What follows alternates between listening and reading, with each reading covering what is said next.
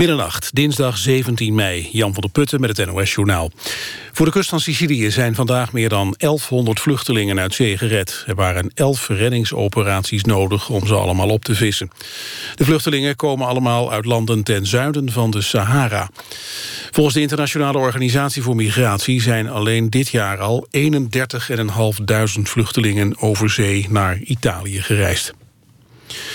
Het onkruidbestrijdingsmiddel glyfosaat, dat wordt verkocht als Roundup, veroorzaakt geen kanker. Dat zeggen deskundigen in een advies aan de Wereldgezondheidsorganisatie WHO.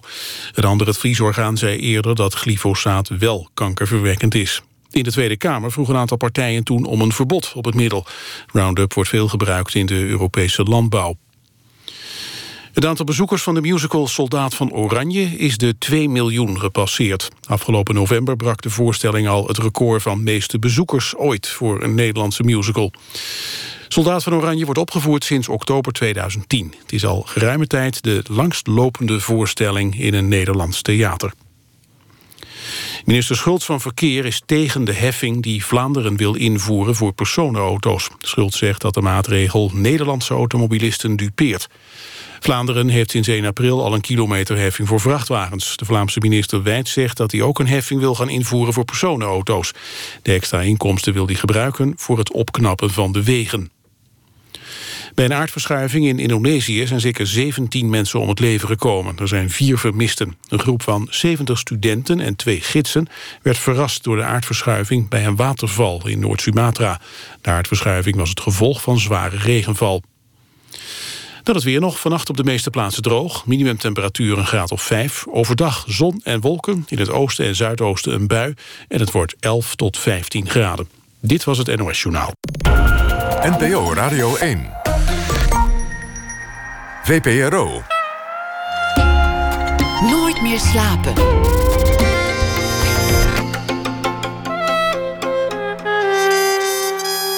Met Pieter van der Wielen. Goedendag en welkom bij Nooit meer slapen. Over het toeval gaan we het hebben. Bestaat dat eigenlijk toeval? En wanneer is iets nou echt toeval?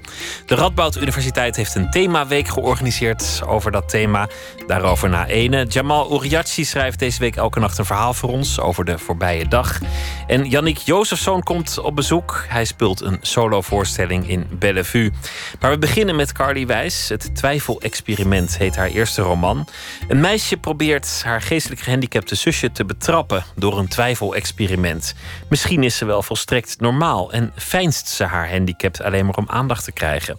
Het is de eerste roman van Carly Wijs, die vooral bekend is als actrice. Speelde onder meer in de serie Divorce. Ze speelde daarin de afwijzende echtgenote Tamar Mendelbaum. Verder is ze theatermaakster, maakt al vele jaren vele voorstellingen. Bijvoorbeeld, ik noem er maar eentje, niet zo lang geleden een voorstelling over Martin Heidegger en Hannah Arendt. Wat is denken? Carly woont in Brussel en ze is geboren in 1966. Hartelijk welkom. Hallo. En gefeliciteerd met het boek, ehm, je eerste roman. Ja. Het twijfelexperiment, mede geïnspireerd op uh, de werken van Descartes. om, het, om het maar meteen. Uh, om het de maar hoofdpersoon meteen... raakt geïnspireerd door de werken van Descartes. Nou, de werken van Descartes is tien jaar. Maar, maar ze, heeft een, een, ja, eigenlijk een soort fictieve relatie met een, een 17e eeuwse hippie die af en toe op de rand van het bed zit ja. en haar raad influistert. Ja. En dan stelt zij slimme wedervragen. Ja, ja, ja. Ze is ook, ook zo'n wensgedachte. Dat ze, ze heeft dan discussies met hem en dan, dan is ze hem te slim af. Dat is eigenlijk wat alleen in je fantasie kan gebeuren. En, uh, maar het is stom toeval uh, uh, dat ze daarmee in aanraking komt. En dat ze in haar eigen gedachtenspinsels terecht raakt. En, en dat met behulp van Descartes. Zo'n boek schrijven is niet, niet een eenduidig proces. Het is niet dat je een idee hebt en het meteen in één keer uittypt. Dat, dat Nee. gaat vele kanten op. Maar, maar waar begon het? Met welke gedachten begon je te schrijven? Ik, ehm, ik was eigenlijk bezig met een, ehm, met een heel ander project. Ik was bezig met een ander eh, eh, verhaal over de Eerste Wereldoorlog. Een heel, heel ander. eh, dat was een beetje geïnspireerd op een verhaal van mijn oma. En daar, was ik, daar wou ik een toneeltekst voor schrijven. En die ehm, toneeltekst, dat veranderde ineens in een boek. Dat ik dacht, dit is geen toneeltekst, dit is een boek. Ehm, en toen had ik me opgegeven voor een, uh, een, een masterclass roman schrijven bij de Bezig bij in Antwerpen. Die hadden dat toen uitgeschreven. Maar dan moest ik een uh, stuk proza inleveren. Maar ik had voor dat project alleen heel veel research gedaan, maar ik had nog geen proza geschreven. Dus toen heb ik een ander oud kort verhaal, wat ik echt jaren daarvoor geschreven had, heb ik opgestuurd. En dat ging over een meisje die haar uh, geestelijk gehandicapte zus aan het bespioneren was. Um, en toen, gek genoeg, raakte ik door dat, dat verhaal zo ongelooflijk uh, uh, geïnspireerd dat ik door bleef schrijven. En ik heb toen eigenlijk vijf maanden lang doorgeschreven. En toen kwam er een soort karkas uit. Wat, wat, wat, ja, het, soort raamwerk van, van wat uiteindelijk dan die roman geworden is. En dat andere boek, dat is helemaal. Ik ben ook die, die masterclass heb ik verder helemaal niet meer gedaan. ik ben, ik ben nooit meer geweest. Nee, ik ben daar een paar keer geweest en ik had niet zo'n klik met, met de meneer die het gaf. Er kwamen ook een heleboel gastschrijvers langs die fantastisch waren. Maar, maar met, met de man die het gaf had, ik gewoon geen klik. Dat lag niet aan hem, dat lag niet aan mij. Dat, dat kan zo de combinatie zijn. Dat is. Uh, ik geef zelf ook veel les op de theaterschool in Brussel. En ja, met sommige mensen heb je wel of niet een klik. Dat is nou helemaal zo. Dus, uh, en zo is dat. En toen, toen ben ik terechtgekomen bij. Um, van Grunsven, een literair agent. Uh, en daar is eigenlijk het grote schrijven begonnen. Want je, je, je schrijft zoiets, en dat is echt een soort van geïnspireerd zijn of zo. Dat, dat breidt zich uit tot een groot verhaal. En, um, en, en daar is het grote herschrijven begonnen. Ik geloof dat ik het wel vier keer herschreven, nou helemaal herschreven, maar wel behoorlijk uh, omgegooid. Opgeschud. Ja, ja, ja, ja. Een meisje wil dat, dat gehandicapte zusje betrappen. Want, want wat is dat gehandicapte zusje nou eigenlijk? Is ze echt anders? Is het misschien, om met Descartes te spreken, een machine, een dier? Heeft het wel het menselijk denken? En kan ik dat door twijfel te zaaien ont, ontfutselen? Kan ik dat, dat ontmaskeren? Ontmaskeren, ja. ja, kan, ja, ja. kan ik haar... Uh, nou ja, kan, kan ik haar zo van de wijs brengen?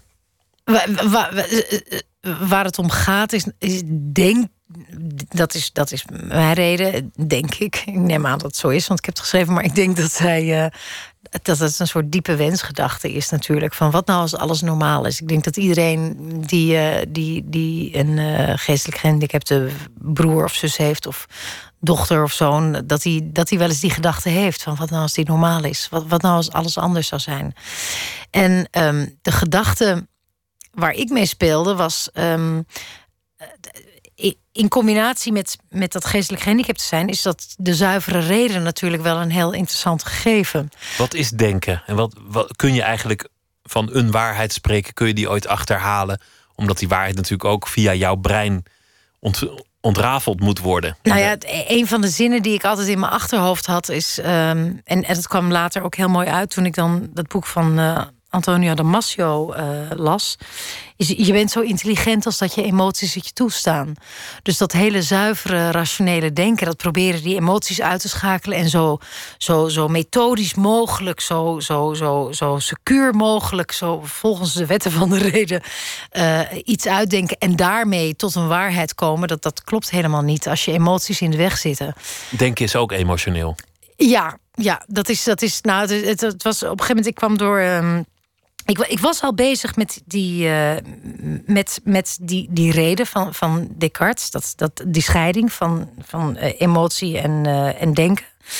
En toen werd ik gewezen op een boek van Antonio Damasio, De Vergissing van Descartes. Dat is een neurowetenschapper die. Um, uh, in dat boek um, uh, uitlegt dat eigenlijk um, die scheiding van, van, van emotie en denken, dat dat helemaal niet klopt.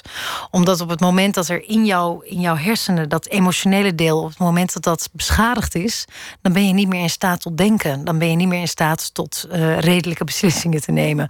Dus dat hangt heel erg nauw samen. Dus die zuivere reden van Descartes was een mooie droom, maar helaas niet meer dan dat. Uh, uh, we zouden nu dat moeten zeggen, ja. Maar goed, het is ook al 400, 500 jaar geleden. Dus het mag ook wel, hè, dat er iets verandert, toch? En hij heeft ook zoveel dingen gezegd. Er zal er altijd wel eentje naast hebben gezeten. Ja. En hij heeft ook zoveel dingen gezegd die nu nog steeds overeind staan in de wiskunde, toch? Heeft hij toch al een aantal uh, belangrijke dingen ontdekt? En de basis gelegd voor, voor de, de moderne wetenschapsfilosofie. Dat is sowieso, ook, uh, ja. ja. Hij is sowieso de, moderne, de, eerste moderne filosoof, wordt gezegd. Ja, ja. Autobiografische dingen komen natuurlijk ook altijd terecht in je werk. En jij, Ja. jij had zelf als, als kind ook een, een gehandicapt zusje. Ja. De, en Zus, groot. zus, eh, de grote zus. Ja. Heb, heb jij toen ook als kind wel eens afgevraagd... is dat nou eigenlijk wel zo? Is, is, dat, is dat meisje nou wel zo gehandicapt als iedereen denkt? Nou, daar, daar komt het idee voor, voor het boek vandaan. Dat komt daar vandaan, omdat ik ook echt als kind ooit heb gedacht van... ze doet alsof. Ze ligt, ze doet alsof. En toen heb ik er ook een tijdje bespioneerd. Dat was waarschijnlijk eh, tien minuten of zo, of misschien een halve dag. Maar niet, niet echt... Niet Zo van echt. zodra wij de kamer uit zijn, doet ze vast normaal. Ja, zo. pakt ze de telefoon dan, en dan- gaat ze de krant lezen. Ja. ja. gaat ze, ja, ja, ja. Of, of eh, gaat ze hele moeilijke eh, sommen eh, oplossen. En het grappige is, is dat ik het al in twee andere boeken ook tegen ben gekomen. Eh, waarin precies diezelfde gedachte door iemands hoofd spookt. En ik had een, een gesprek met iemand die, die het boek gelezen had. En die ehm, zelf ook een, een geestelijk gehandicapte zus had. En die zei, ik heb dat ook gedacht. Dus het is ook een soort heel Freudiaanse diepe wensgedachte van... Ja, god, wat nou als het niet zo is? Terwijl je tegelijkertijd daarmee, wil ik niet zeggen... Want ik, ik ben geboren met een geestelijk gehandicapte zus. Dus het is voor mij helemaal niet zo van... oh, oh, oh, wat een lijdensweg. Voor mij was het gewoon, ja, het was gewoon zo. Dus het is niet zo dat je... Het was nooit anders geweest, dus je wist niet beter. Ja, en, en ik bedoel, ik, ik, ik, ik, ik, ik, ik heb het nooit erg gevonden dat ze gehandicapt was of zo. Dat was gewoon zo. Ik denk dat het voor mijn ouders misschien wel anders is geweest. Maar je kreeg wel minder aandacht daardoor. Een, een gehandicapte vraagt altijd meer aandacht dan een niet Ja, maar bij- mijn zus woonde niet thuis bij ons. Hè? Dus ik kan me niet herinneren dat ze ooit thuis heeft. Want ze is eh, vijf en een half jaar ouder dan ik. Dus eh, tegen de tijd dat ik bewust was, was zij al, eh, woonde zij in een tehuis. Dus, en dan kwam ze in de weekends. Dus ik kan me dat niet herinneren dat, dat zij er altijd is geweest. En die aandacht, ja, waarschijnlijk. Ja, ik ben de jongste, hè, dus ik weet niet of ik, eh, of ik nou aandacht tekort heb gehad. Dat weet ik niet. Meestal zijn dat toch degenen die eh, het meeste krijgen, denk ik dan. De jongste, ik heb, ik heb daar geen idee van Nee. eigenlijk hoe dat, hoe dat zit, wie, wie de meeste aandacht krijgt. Ik weet wel dat misschien- iedereen altijd vecht voor de aandacht. Ja, ja dat kan. Ik, ik, geloof, ik geloof eigenlijk dat ik, omdat ik eh, de jongste was, dat ik, ik was de laatste in een rij. Mijn broer was tien jaar ouder dan ik. Ik geloof dat ik eigenlijk wel veel aandacht heb gekregen, eigenlijk. Omdat ik eh, wat dat betreft niks tekort ben gekomen. Vermoed ik, denk ik. Was je gelukkig? Ehm, als kind heel erg. Echt heel erg. Als kind echt, eh, ja, echt een zorgeloos bestaan. Eh, puberteit, mm, minder. Vond ik niet zo leuk. Dat, is, dat vond, ik, vond ik echt wel heel vreselijk eigenlijk zelfs, ja. Want toen moest je je losmaken van het gebeuren. Nee, ik, ik geloof dat ik, ehm, ik, geloof dat ik eh, gewoon eh, depressief werd. Ik geloof dat ik. En ik vond dat denk ik nogal een shock. Want ik, ik word altijd redelijk optimistisch wakker. Nu ook nog steeds. Ik ben een redelijk. Ik ben een ochtendmens. En ik ben ook redelijk. eh, als de dag begint, zo van. Ha, nou, lekker. Nieuwe dag, nieuwe kansen. Soms stort dat tegen 12 uur 's middags alweer in. Maar dat in principe. Dan heb je te vroeg gepiekt. Dan ben je- ik. nee, maar het, het, het kan. Als je, als je je dag niet hebt, hè, dan, dan denk je: oh nee, het wordt, niet toch, het wordt toch niet mijn dag. Maar in principe ben ik optimistisch. En ik herinner me in de puberteit dat je dan. dat ik op een dag dat ik wakker werd en, en dat het gewoon. nou, zwart, zompig, zo'n sompige nare deken die over je heen valt. En je weet eigenlijk niet waarom. Als kind ben je wel eens ongelukkig en, en, en boos. Omdat je, weet ik veel, je hebt geen ijsje gekregen. Of eh, je mag niet laten opblijven. Hè. Je- Maar, maar het zijn hele duidelijke aanwijzingen. Maar zo opeens in het zwart afdalen. Zonder dat daar een duidelijke aanwijsbare reden voor is. Dat vond ik echt heel vreselijk. Achteraf gezien kan je denken, ja, het zijn de hormonen die door je lijf Ja, want, want zoals, we, zoals je net constateerde, dat denken ook eh, emotioneel is, is denken ook lichamelijk. Heeft ook te maken met de gesteldheid van nou ja, je hormonen en eh, je bloedsuikerspiegel en, en weet ik alles. Ja, ja. Als je niet is- fit bent, dan, dan kan je ook niet tot dezelfde gedachten komen Nee, als wanneer je dat wel bent. Dat klopt. Als je, als je bijvoorbeeld eh, zeker een bepaalde leeftijd bereikt en je doet niet genoeg aan sport, dan wil je ook nog wel eens in een depressie zakken. Dat is absoluut waar. Dat is absoluut waar. Maar ik, ik bedoel, dat, ik, ik kan me dat gewoon nog het beste herinneren van de puberteit. Ik dacht, ach, vreselijk zwart. Als ik nu ook pubers zie, dan denk ik, oh, oh Je zou het maar zijn, ja. ja. ja. Want wanneer ging je acteren? Eh, laat, toen ik. ehm, ik ben op een goed moment ben, ik- bij een oom en tante gaan wonen. In Wassenaar. En uh, dat vond ik hopeloos saai in vergelijking bij Amsterdam, waar ik dan meestal uithing. En daar deden ze vrij serieus aan schooltoneel. Daar moest je ook auditie voor doen. En toen heb ik zoiets van, nou ja, ga ik dat maar doen. ging meedoen met schooltoneel. En toen moest ik auditie doen en toen kreeg ik de hoofdrol. Wat, uh, wat wel verbazingwekkend was. En dat, dat ging goed. En toen zeiden mensen van, uh, nou, nou, dat kan je goed. Toen dacht ik, oh, nou, dan moet ik dat misschien maar gaan doen. En toen, uh, toen ben ik zo'n cursus gaan doen op de Amsterdamse toneelschool. En, uh, en het duurt vrij lang voordat je, voordat je durft toe te geven dat het eigenlijk wel een hele serieuze wens is. En ik kan me ook herinneren dat ik. Ik ben toen uiteindelijk aangenomen in uh, Maastricht.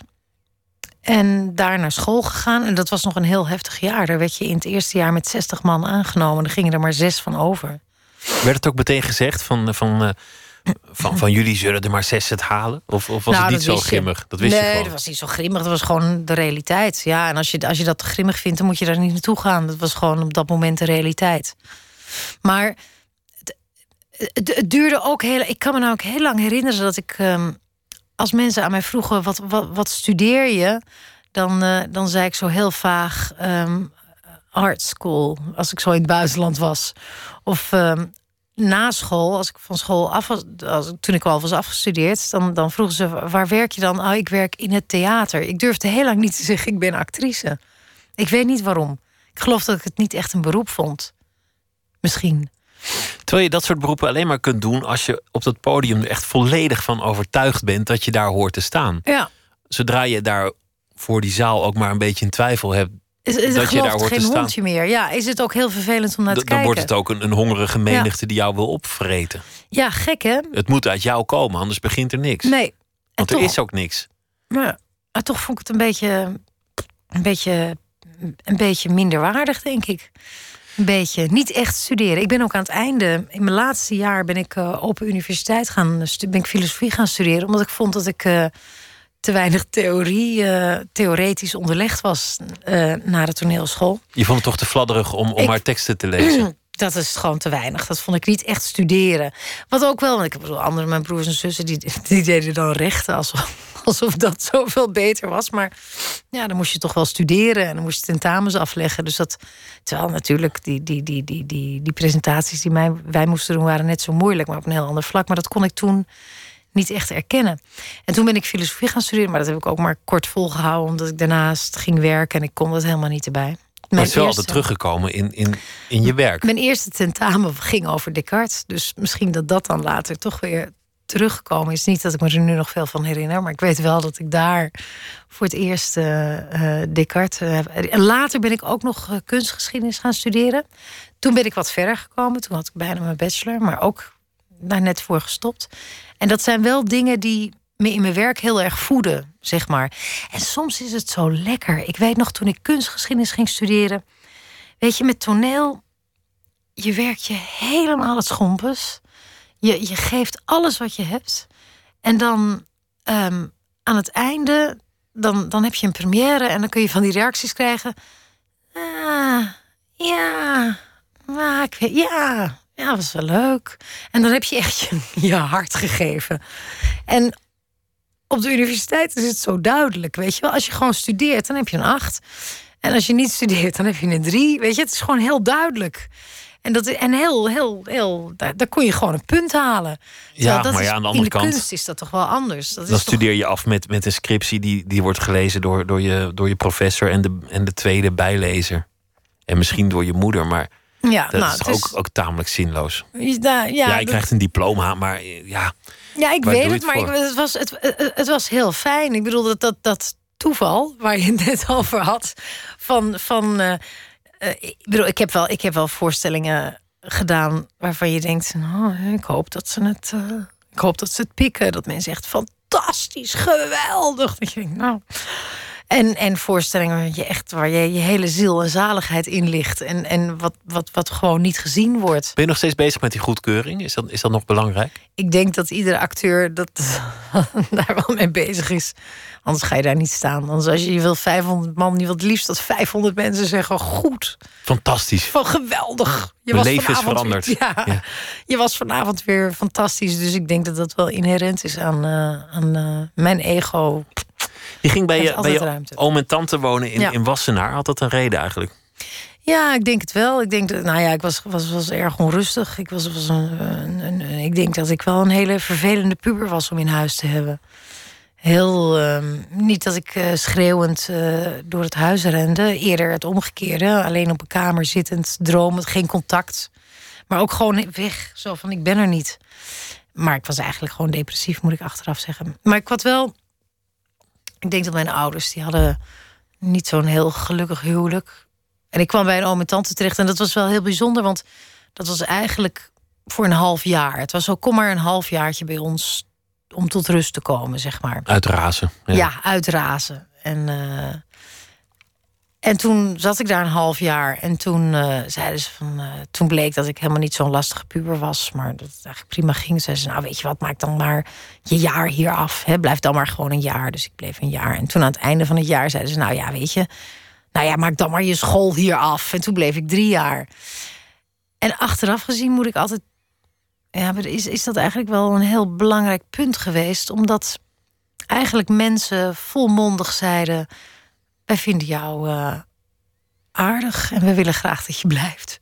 En dat is eigenlijk wel belangrijk geweest, ja. ja dat, dus daarvoor, daarvoor speelde dat, het thema der erkenning. Ja, ik denk, ja, ik denk het wel. Ik denk wel, ik denk wel dat ik. Uh, dat ik uh, ik denk wel dat ik het gevoel had dat ik niet echt voldeed. Maar ik geloof dat, dat, dat ik het verkeerd geïnterpreteerd heb. Ik geloof dat ik geïnterpreteerd heb dat ik niet voldeed voor mijn ouders. Terwijl ik geloof dat voor hun het leven gewoon niet zo. Ze waren gewoon niet gelukkig. Nee, en, maar ik heb dat geïnterpreteerd als het gaat over mij. Hè? De actrice, het ego. Dus het zal wel over mij gaan. Dat is natuurlijk een denkfout geweest. Maar, uh, maar misschien heeft die denkfoutje ook wel eh, de planken opgejaagd zijn met dubbele gevoelens. Ja, dat zou best kunnen, ja. En dat je daar dan nog steeds ergens tegen vecht. Iets wat je jong aanleert, dat blijf je vaak doen, hè? Nou, wat ik nu vooral voel, is uh, een enorme bevrijding. Wat ik nu vooral voel, is dat je denkt... oh, dat, het is namelijk zo heerlijk om even jezelf niet te hoeven zijn. Dat is zo'n opluchting. Dat je kunt ontsnappen op ja, in je rol. Ja, dat is zo fijn. Daar, daar, geniet ik echt, daar, daar geniet ik echt van. Ook omdat ik nu, nu ouder ben en minder uh, ik, ik denk dat ik iets beter weet wat ik mooi vind en welke verhalen ik leuk vind om te vertellen. Uh, wat je, als je jong bent, heb je dat minder. En dan is die erkenning nog heel erg van: uh, gaat dit mijn laatste rol zijn? En die angst heb ik iets minder nu. Mag ook wel, misschien na zo lang. Waardoor ik echt heel erg kan genieten van, van gewoon daar te staan. En, en iemand anders te zijn. Je had het over, over je ouders, over je gehandicapte zus. Je, je noemde nog een, een broer onderweg. Wie, wie leven er allemaal nog? Uh, ja, mijn broer is overleden. Die is vorig jaar uh, kerstnacht overleden. En dan heb ik nog een zus. Dus we zijn. En mijn vader is overleden. En mijn moeder, die wordt 90 in november. En die zal ons allemaal overleven. Want die is zo Die is toch sterk? Ja, die is, uh, dat is ongelooflijk. Ik, zat laatst, ik stond laatst bij de thuis, stond boven aan de trap met zo'n ehm, bovenaan de trap met een aluminium ladder in de hand. Als naar beneden. Ik wat doe je nou? Ja, ik wil even een lampje verwisselen. Ik ben nou helemaal gek geworden. Straks val je. En dan moet ik voor je zorgen. En ik heb geen tijd om voor je te zorgen. Ik moet...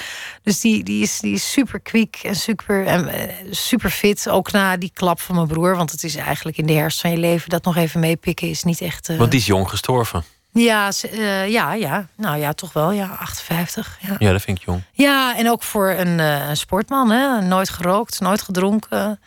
Uh, letten op zijn eten. En, en dan toch ziek worden, ja. Dat is, dat is heel gek, ja. Heeft het ook bijgedragen aan die relativering waar je het net over had? Dat, dat, dat je iets, iets minder zorgelijk bent geworden in bepaalde opzichten?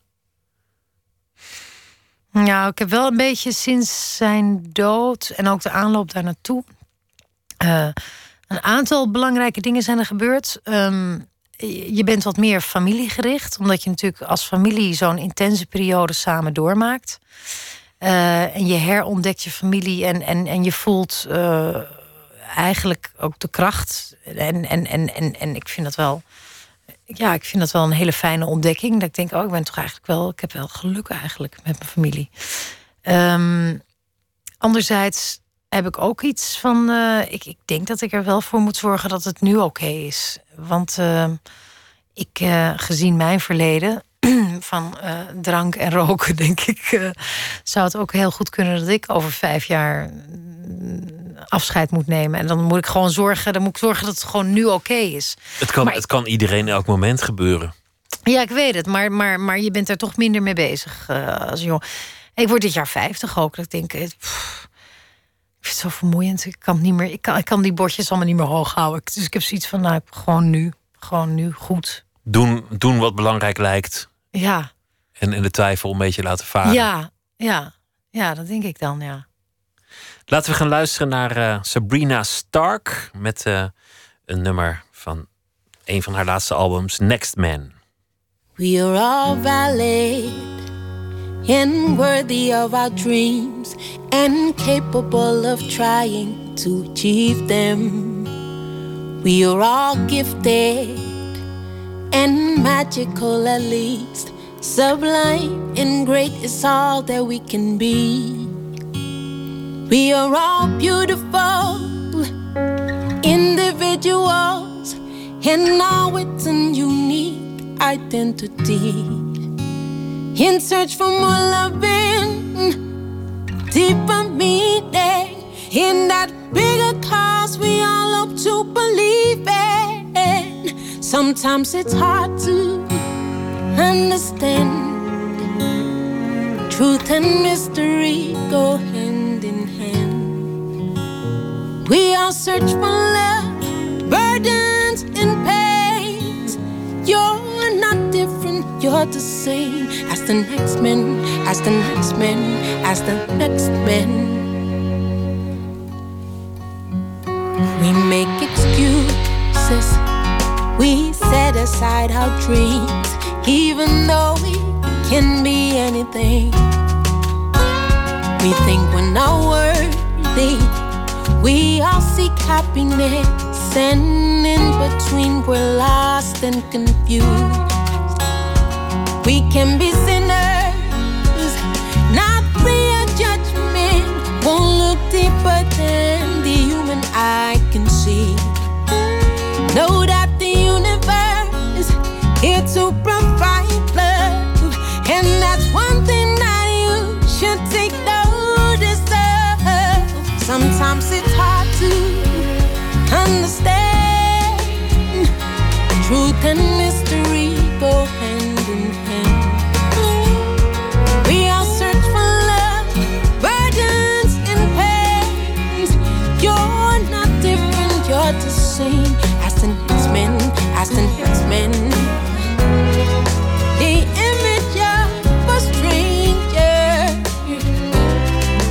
much closer like a neighbor. So you see, that comparison is real. Look for your marbles, your treasures,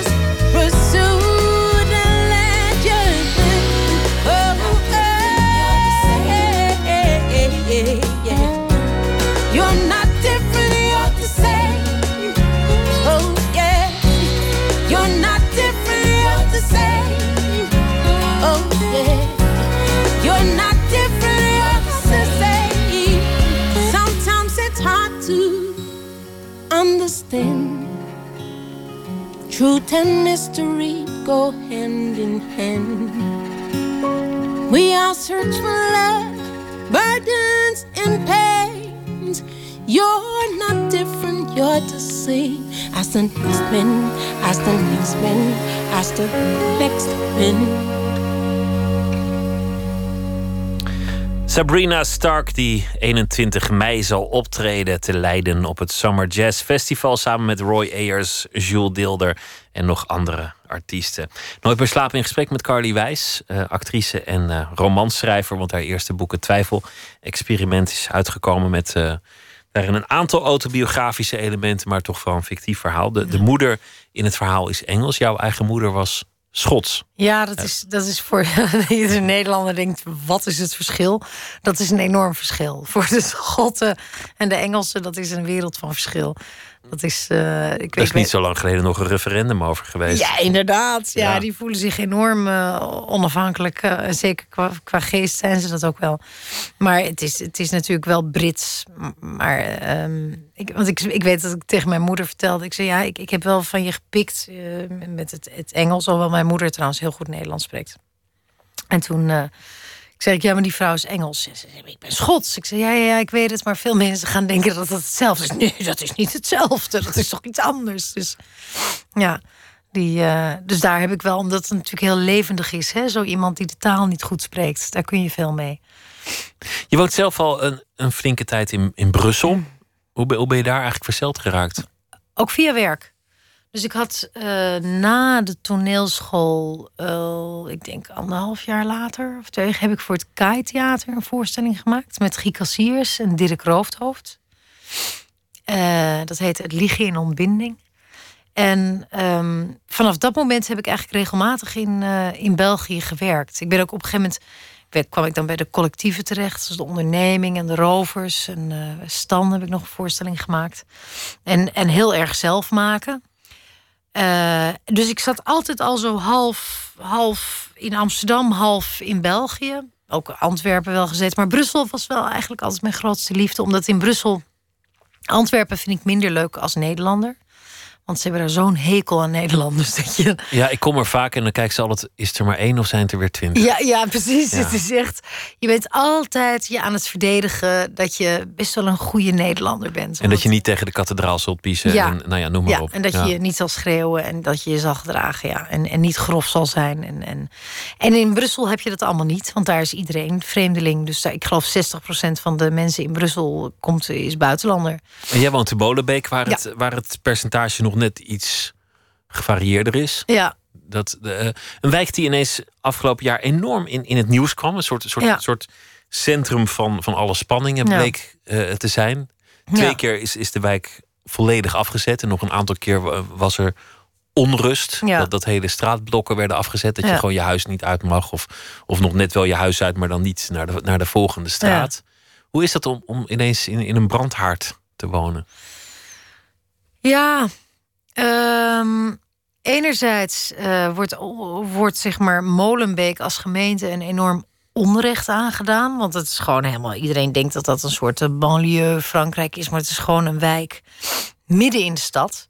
Uh, met allemaal herenhuizen. Als je daar doorheen gaat, dan, dan, dan zie je allemaal van die mooie oude herenhuizen naast elkaar. Het enige is wel, het is de meest dichtbevolkte wijk. Dus die herenhuizen zijn echt iedere etage is verdeeld in een apart gezin. Uh, omdat het zo midden in de stad is, is er ook een enorme gentrification aan de gang. Van mensen die dan in het centrum, pal in het centrum, en niet meer dat grote huis kunnen komen, maar net erbuiten weer wel. Uh, tegelijkertijd is die wijk failliet. Dus de gemeente Molenbeek is failliet. Want je hebt, je hebt in, meer. in Brussel iets van 19 deelgemeenten of zo. En, en die werken ook nog langs elkaar. Bleek allemaal toen, toen het eenmaal misging. Ja, het is eigenlijk een prachtige miniatuur voor hoe het in Europa eh, misloopt. Want je hebt al die verschillende communes die hun eigen burgemeester hebben, hun eigen uh, gemeentehuis, hun eigen politie vaak. Het zijn geloof ik zeven politiediensten in Brussel. Nou, we hebben in Nederland zeven in totaal. En daar in Brussel heb je er zeven. En die werken allemaal samen. Dus die hebben allemaal onderling afspraken. Maar dat is zo'n kluwe van afspraken. dat daar een enorm grijs gebied ontstaat. En in dat grijze gebied worden heel veel. om de boel te laten draaien, worden heel veel regels een beetje verbogen. Ja, nou ja, oké, ja, maar anders krijgen we het echt niet voor elkaar. Dus we doen uh, een beetje zo. En dan ga ik gewoon wel even praten met die ambtenaar. En dan kijken we en dan zal ik even daar een vergaderingetje mee. En als ik nou die twee bij elkaar zet, dan ritselen we dat wel. Dat functioneert heel goed. Alleen, het functioneert voor een vrij selecte groep mensen. Want er is een hele grote groep mensen die geen toegang heeft tot de juiste ambtenaar. Die net niet de juiste taal spreekt. Of die net niet ja, de juiste tools bezit als mens. Om op, die, op dat niveau te kunnen wielen en dealen. Dus heel veel deuren blijven gesloten voor mensen. En, uh, en, en, en dat is wel een probleem. Dat is een groot probleem. Tegelijk, ja. En nou is het zo met die, met, met die terreurgroepen dat eigenlijk op, op ieder niveau. En achteraf praten is natuurlijk makkelijk, maar je kunt achteraf zeggen dat die aanslagen met iets meer inspanning wellicht wel voorkomen hadden kunnen worden, omdat, omdat er toch wel heel veel kansen gemist zijn. Ik, ik, ik, ik, ik, ik zou het een gevaarlijke. Uh, ik, denk, ik zou het voor mezelf een gevaarlijke uitspraak vinden om te zeggen die aanslagen hadden voorkomen kunnen worden op een of andere manier. Dat weet je natuurlijk nooit, maar laten we zeggen, de kansen die je zou kunnen hebben om een aanslag te voorkomen of om, om een terroristische groep te ontmantelen, die zijn allemaal gemist. Zowel in, bij de Parijse politie als, als bij de Brusselse nou, en, Belgische diensten. Dit is één cel geweest, hè, uiteindelijk. Wat, die verantwoordelijk is geweest voor zowel Parijs als uh, Brussel als Verviers. Dus ik bedoel, dat is één groep jongeren geweest uit Molenbeek. En uh, wat blijkt, da daar zijn dan wel weer onderzoeken naar gedaan, dat. Uh, Kijk, er is geloof ik van die hele groep was er misschien eentje die Lauci, ik kan zijn naam niet goed uit, die zich opgeblazen heeft in Zaventem. Dat was de enige die ook zeg maar hoger middelbaar onderwijs had gedaan, die studeerde, die eigenlijk wel kansen had. Zijn, zijn broer is geloof ik ook een taekwondo kampioen, die speelt voor, die, die vecht voor het uh, Belgisch Olympische team. En die komt eigenlijk uit een, uit een wat bevoorrechtere positie. En daar is dan wel sprake van een soort mentale radicalisatie die. Uh, al die andere jongens, en echt waar, ik bedoel, ik ken ze of ik hen letterlijk ken, maar die, die woonden allemaal op 150 meter van mijn huis vandaan. Dat waren stuk voor stuk allemaal drop-outs. Dat waren allemaal losers die, die, het niet voor elkaar, die het niet voor elkaar kregen. En die in een vrij korte tijd uh, geradicaliseerd zijn en terecht zijn gekomen dan ofwel in Syrië, waar ze ineens uh, een dure jeep hadden, vier vrouwen en een, en een villa en, en een inkomen. En ineens waren ze iemand. Stonden een soort, soort heldenstatus. Ja, uh, dat is wel lekker, denk ik. Als je weet waar je de rest van de tijd ben je jointjes aan het roken op straat uh, in Molenbeek. Of ik rij uh, in mijn Pagero door het zand. dat, is, dat, is, dat is nogal een verschil. Dus, dus dan is het vrij makkelijk om te radicaliseren. En ehm, ik, ik, ik, ik, ik, ik, ik vermoed, je zou kunnen zeggen misschien hadden die jongens, dat had misschien voorkomen kunnen worden. Ik, ik weet het niet, maar ik, ik, we hebben toch altijd... we hebben dan de, de, de, de IRA gehad, we hebben de Rote Armee-fractie... de, de, de, de Bader-Meinhof-groepen, we hebben altijd terroristen in Europa. Altijd. Terreur zal er altijd zijn. Terreur zal er altijd zijn. Er zal altijd ergens een groep zijn... die, die in, in, in, in de absolute speerpunt van de onvrede... tot actie overgaat. En als de groep groot genoeg is die ontevreden is, dan zal er ergens zal die kleine speerpunt zijn. Wat ook in de 70 jaren, weet je, er was een grote algehele consensus van, van onvrede. Waar, waar, waaruit die Bader-Meinhof-groepen heeft kunnen ontstaan. En dat is nu denk ik weer het geval. Maar ja. Toen was er het, het moment dat de, die Abdeslam die werd op een gegeven moment uh, gearresteerd. En, en, er waren nog een paar van die momenten. Toen werd er hier en daar gesuggereerd van ja, heel Molenbeek wist wie het waren. Heel Molenbeek zag die jongens eh, lopen. Ja, of hier, hier in de wijk wordt, wordt je de hand boven het hoofd gehouden. Nee, nee dat is absolute bullshit. In, in mijn, wat je wel moet beseffen is dat die jongens gewoon uit die wijk kwamen en daar woonden. En iedereen ze kende. Iedereen kende de Abdelslams. Want jij, jij zei, misschien niet deze jongens, maar ze woonden op, op 100 meter van mij vandaan. Eh, Abdel woonde letterlijk op 150 meter van mij vandaan. Abahoud ook. De vierde die zich heeft opgeblazen in Saint-Denis... die woonde 200 meter de andere kant op. En de twee, die, de twee broers die komen ook uit Molenbeek. Ik weet niet waar zij gewoond hebben, maar dat is allemaal Molenbeek. En ik bedoel, ik heb mijn buurvrouw, mijn Marokkaanse uh, buurvrouw... in wiens kinderen ik af en toe naar school breng... Want ze heeft er veel. Uh, en daar drink ik dan wel koffie mee. Die vertelt, ja, mijn broer zat uh, in de klas bij de oude Abdelslam. En mijn zus zat bij de jonge Abdelslam. Ja, ja gewone jongens, gewone jongens. Niet Woon je daar nu anders? In, ja. in die wijk? Ja, ik vind het gewoon deprimerend.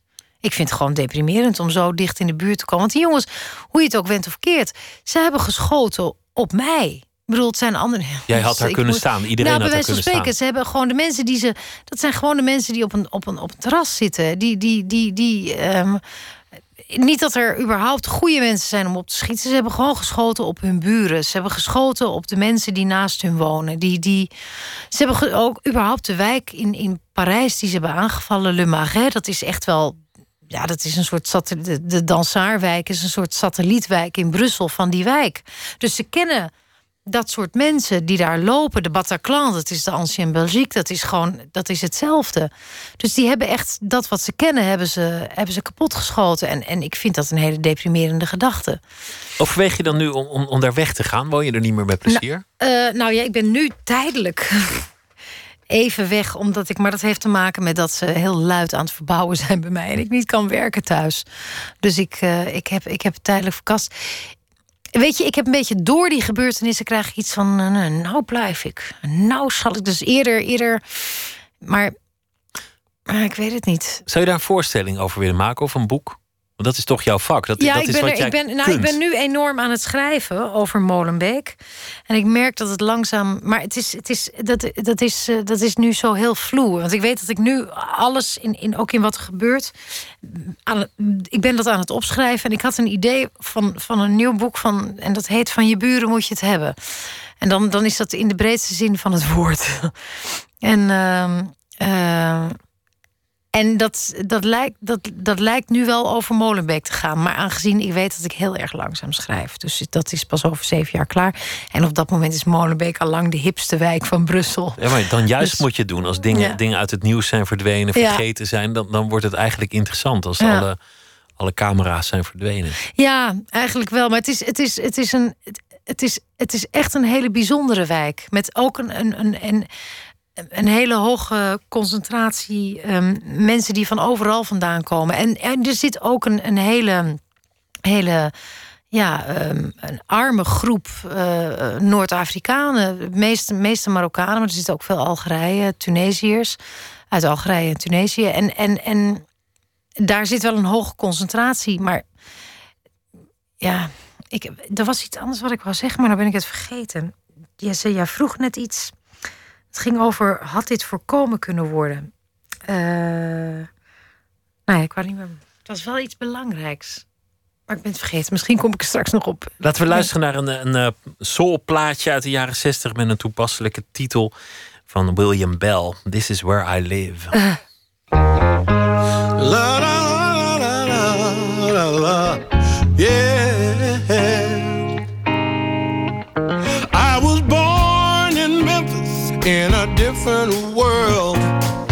Now that time has come and gone. I was just a little boy when I heard Sam Cooke singing. A change is gonna come. It touched my soul and let me know there's a promise of a brand new day. Then I left my home, started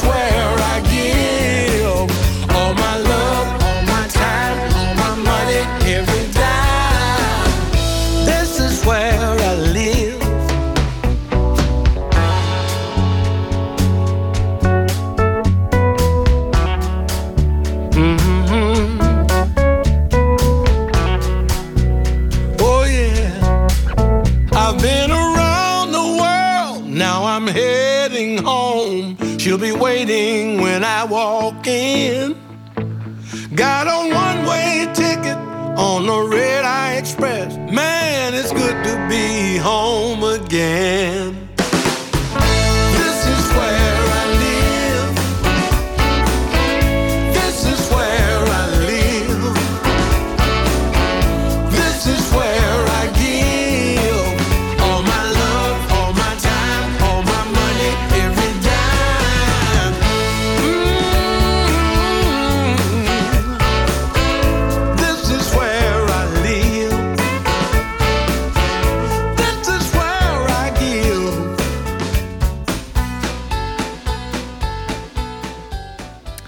This is Where I Live van William Bell. Nooit meer slapen in gesprek eh, met Carly Wijs. We hebben het gehad over uh, het boek. Over het twijfel-experiment. Over uh, je eigen opgroeien. Hoe je actrice werd. Over de twijfel die je lang had over dat beroep. Is dit wel een beroep en hoor ik daar wel te staan? En dat je lang niet durft te zeggen dat je actrice was. Ja. En dat het misschien toch ook wat te maken had met het verwerven van een plek. Omdat je ergens het gevoel had gekregen. Verkeerd begrepen dat je tekort schoot. Omdat Ja. je ouders je dat gevoel onbewust gaven. Omdat ze zelf niet gelukkig waren. Toen kwamen we te spreken over Brussel. Molenbeek, waar je, waar je woont. Er was nog iets waar je niet meer op kon komen wat je wilde zeggen. En toen dacht je, wat was ja, het nou? dat ging over de, de opmerking die je maakte... dat er gesuggereerd werd dat heel Molenbeek wist dat Abdelslam daar zat. En dat ze, dat, ze, dat, ze, dat ze ze op straat hadden zien lopen... maar dat niemand iets had gezegd. En dat, dat, dat is echt niet waar. Dat is echt niet waar. En wat, er- wat er wel alleen duidelijk uit werd... is dat de, de intel die de politie heeft heel slecht is. De verhouding tussen de burgers en de politie is heel slecht. En, eh, en dat is wel iets waar we ons vragen bij moeten stellen. Eh, want het is toch vanuit de burgers dat je weet wat er aan de hand is. Je kunt daar niet als een soort met je, met je, met je gummiknuppel door de straten paraderen en hopen dat je zo de orde handhaaft. Maar als, als die regels te veel verbogen worden en altijd verbogen worden voor een bepaalde groep, dan, dan verliezen mensen het vertrouwen in dat systeem. Dus je moet zorgen dat het systeem dat dat. Anders is de drempel om, om de wijkagent te bellen ook wel misschien heel hoog geworden. Ja, dat Eigenlijk is in, in de voorstellingen die je maakte heel vaak een onderliggend thema goed en kwaad. En alles wat ertussen zit. Eh, ja, dat zou best kunnen. Dat, dat zou best kunnen. Ehm, maar misschien maak ik dat er nu ook van omdat je dat zegt. Dat je denkt, nou ja, ik geef die jongen maar gelijk. Goed, ik geef hem maar gelijk, want hij ben ik er oppert het. vanaf. Ja, ik, ik, ik weet Maar je, ma- je maakte een voorstelling over, over een heel eh, fascinerend onderwerp, namelijk eh, de filosoof Heidegger. Ja. Die, ehm, die had een affaire met Hannah Arendt, die, Ja. die, die Joods was. Ja. Ehm, hij had een, een beste vriend, Jaspers, die eh, een vrouw had die Joods was. Die was zelf niet Joods, maar die, die heeft wel eh, te lijden gehad onder de oorlog. En zelf werd hij een periode, althans, nazi. Ja. Tamelijk overtuigd. Ook misschien uit opportunisme is nooit helemaal duidelijk Hij geworden. is tot Maar het einde van de oorlog eh, lid gebleven van de partij. ja, en, en later heeft hij gezegd dat het een soort verdwaling was. En, Ja. een, en, een, en, een, en een soort, soort ja, dat kan niet anders. Ja, moeilijk zeggen. Maar ik had dat- gelijk. Daarnaast zijn ze nog met elkaar een keer gaan eten om het allemaal uit te praten. Wat ik dan ook wonderlijk vind Ja. met zo'n geschiedenis. Zoveel doden en dan ga je nog eens aan tafel zitten. Dat is, dat is toch wel een geschiedenis die, die... De filosofie heeft je interesse, maar het gaat toch echt ook over goed en kwaad. En wat is het Nou, dit, dit, het is, kijk, Hannah Arendt is sowieso een fantastisch filosoof. Die iedere keer, die, die blijft nog ook enorm actueel. Dat, dat, maar wat, wat, wat vooral boeiend was, wat het toneel waardig maakte. Want eh, toneel is een filosofisch betoog, is, is niet. Je moet toch, er moet toch een soort situatie zijn. Is natuurlijk die, die verhouding tussen die twee, die pas eind jaren tachtig eh, bekend werd. Niemand wist dat. Dat als jong meisje een verhouding met hem heeft gehad. En eh, wat er in feite gebeurd is, is dat ehm ze heeft dus in de tijd in Heidelberg had een verhouding met hem. Toen is ze uiteindelijk getrouwd en dat is zo verwaterd. Langzaam hoorde ze dan ook wel dat hij nazi werd. In 1933 moest zij vluchten. Ze is op een goed moment is ze, haar man was toen geloof ik al weg, haar toenmalige man. Ehm, of was ze daar al van gescheiden? Dat weet ik niet meer. Zij moest vluchten. Eh, zij is in Parijs terechtgekomen, later in New York. Eh, en in 1934 is hij dan eh, rector geworden in Freiburg, waar hij die beruchte eh, ehm, eh, soort, soort stellingen heeft ondertekend. Wat eigenlijk voor alle Joodse docenten onmogelijk maakte om nog les te geven. Waaronder Husserl, zijn grote leermeester Husserl, die kon dus niet meer werken. Eh, Uiteindelijk is hij daarmee gestopt in 38. Hij, heeft dan nog, hij, is, hij is eigenlijk vrij snel gestopt als, uh, als uh, rector van Freiburg. In 38 heeft hij nog aan het Nietzsche-project. Want ze zijn heel erg. De zus van Nietzsche is heel erg bezig geweest om uh, de filosofie van Nietzsche en dat nazisme in één mooi betoog uh, gepakt te, te, krijgen. Ja, om het, om hij, het heeft zich daar, te krijgen. Ja, hij heeft zich daar nog een beetje mee bemoeid. Maar in 38 dacht hij ook al: uh, nee, dit is het ook niet. En toen heeft hij wel al ingezien: mm, dit, dit wordt hem niet. Na de Tweede Wereldoorlog was hij natuurlijk, want het was echt een van de, en dat is hij nog steeds, een van de belangrijkste Duitse filosofen van de 20e eeuw. Maar na de oorlog heeft hij, ik, ik geloof. Uh, uh, van het kunstwerk. De, de, hoe heet het nou? De, hm, van het kunstwerk. Kijk niet naar mij, hè? Nee, oh, oké. Okay. dat is nog wel een mooi uh, ding wat hij geschreven heeft. Maar verder heeft hij niet meer echt van die grote dingen gedaan. Terwijl Hannah Arendt, haar grote moment is echt wel na de oorlog gekomen. Maar het verhaal ging zo dat Hannah Arendt in 49 terugkwam in Duitsland voor het eerst. En eigenlijk in Duitsland aankwam en zich realiseerde dat ze had al bijna twintig jaar geen Duits meer gesproken. En ze kwam aan in Duitsland na de Holocaust en ze realiseerde zich dat ze thuis was. En dat ze dacht: ik kan eindelijk weer in mijn eigen taal praten. Ik kan eindelijk weer in mijn eigen taal denken. En dan is ze vlak in de buurt van Freiburg. En dan kan ze niet anders dan hem opbellen. En zeggen: ik, ik ben in Duitsland, ik moet je zien. Dus eigenlijk het eerste bezoek wat ze heeft gedaan aan Duitsland na de oorlog, heeft ze meteen uh, contact met hem opgenomen. De Heideggers waren, een, want zijn vrouw, god hoe Elfriede, dat was dus de echte natie. Die heeft gewoon nog in, uh, ik denk in april 45 heeft hij nog greppels staan graven van kom op mensen, als we maar door blijven vechten, dan halen we het wel. Die, uh, dat, was, dat was de echte natie.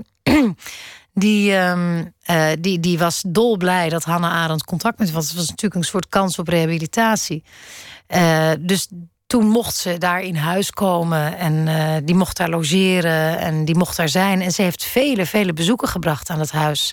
En Hannah Arendt was een verstokte roker. En Elfriede een verstokte natie, dus anti-rook. En, uh, en, die, moest dan velen dat het hele huis stonk naar de sigaretten als Hannah Arendt was geweest. En het antisemitisme van Elfriede, dat kwam ook nog heel mooi naar boven. Omdat op een goed moment hadden ze een beetje geldnood.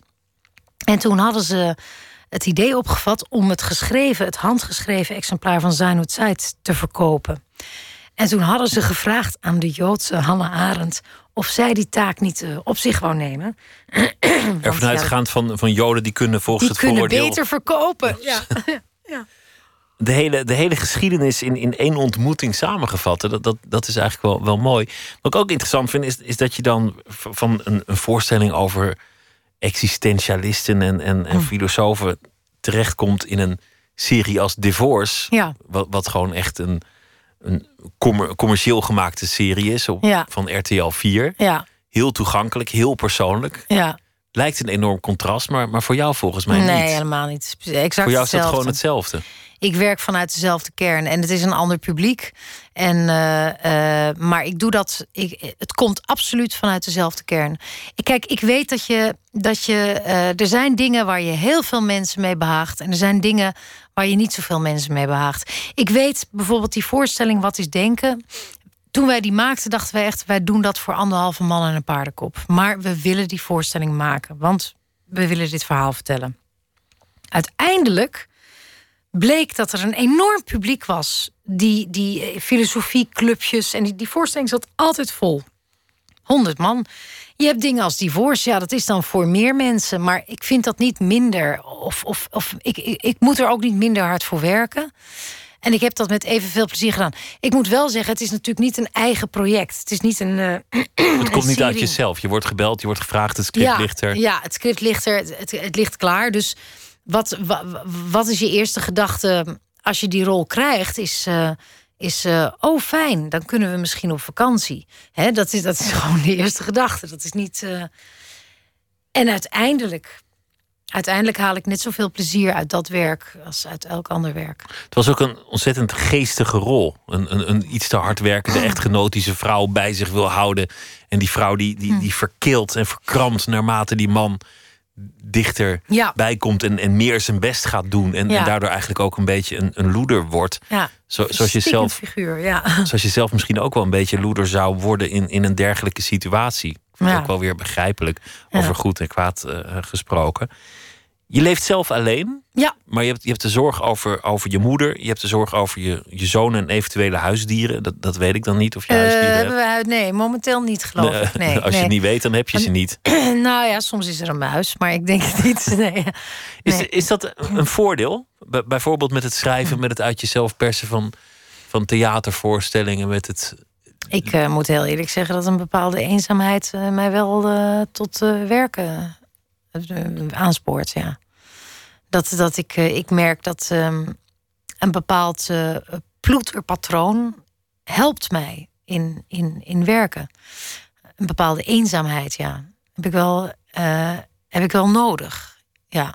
Terwijl ik ook, eh, ik bedoel, ik heb natuurlijk ook heel lang relaties gehad, maar ik weet, ik weet wel dat ik ook binnen die relaties moet ik, moet ik me wel, ik moet, ik moet wel alleen kunnen zijn.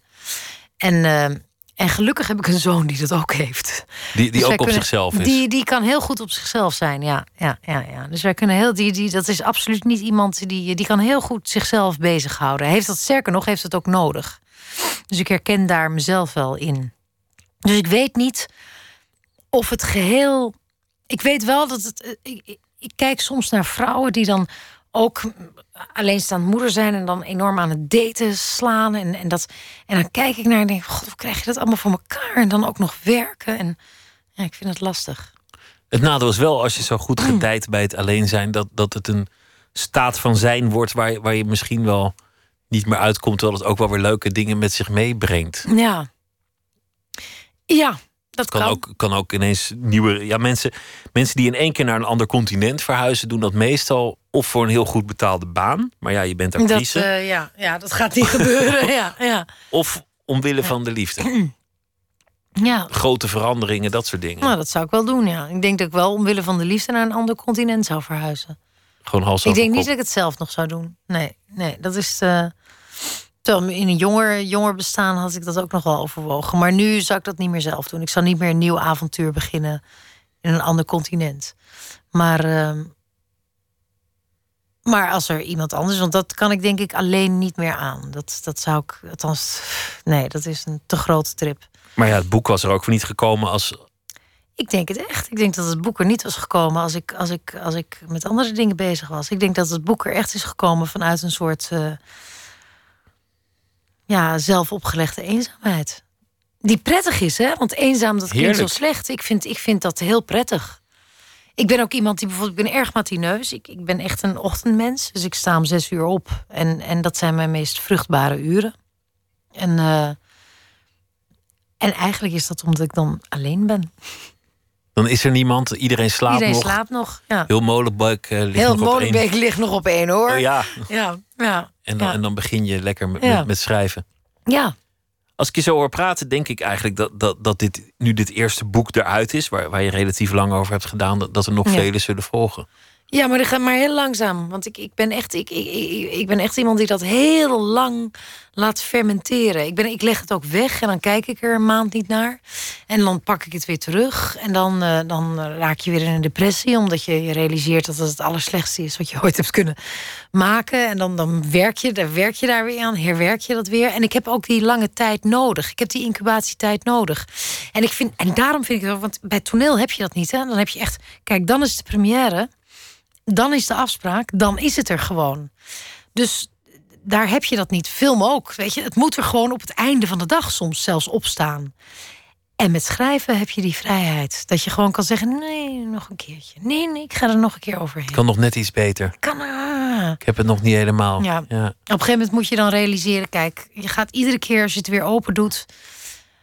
en dan, dan ben je op een punt dat je denkt... ja, ja, nee, nu is het goed, nu is het goed. En dan sluit je het weer af en dan doe je het daarna weer open... en dan denk je, oh nee, oh nee, wat slecht. Oh, wat slecht, hoe kan ik dit schrijven? En op een gegeven moment moet je erkennen... Dat het er is. dat, ja, dat het gewoon altijd zo zal zijn. Dus dat je het moet loslaten. Het twijfelexperiment. Oh ja, ik moest ook nog van heel veel mensen vragen of er, of er niet toch nog een nieuwe serie van Divorce eh, komt.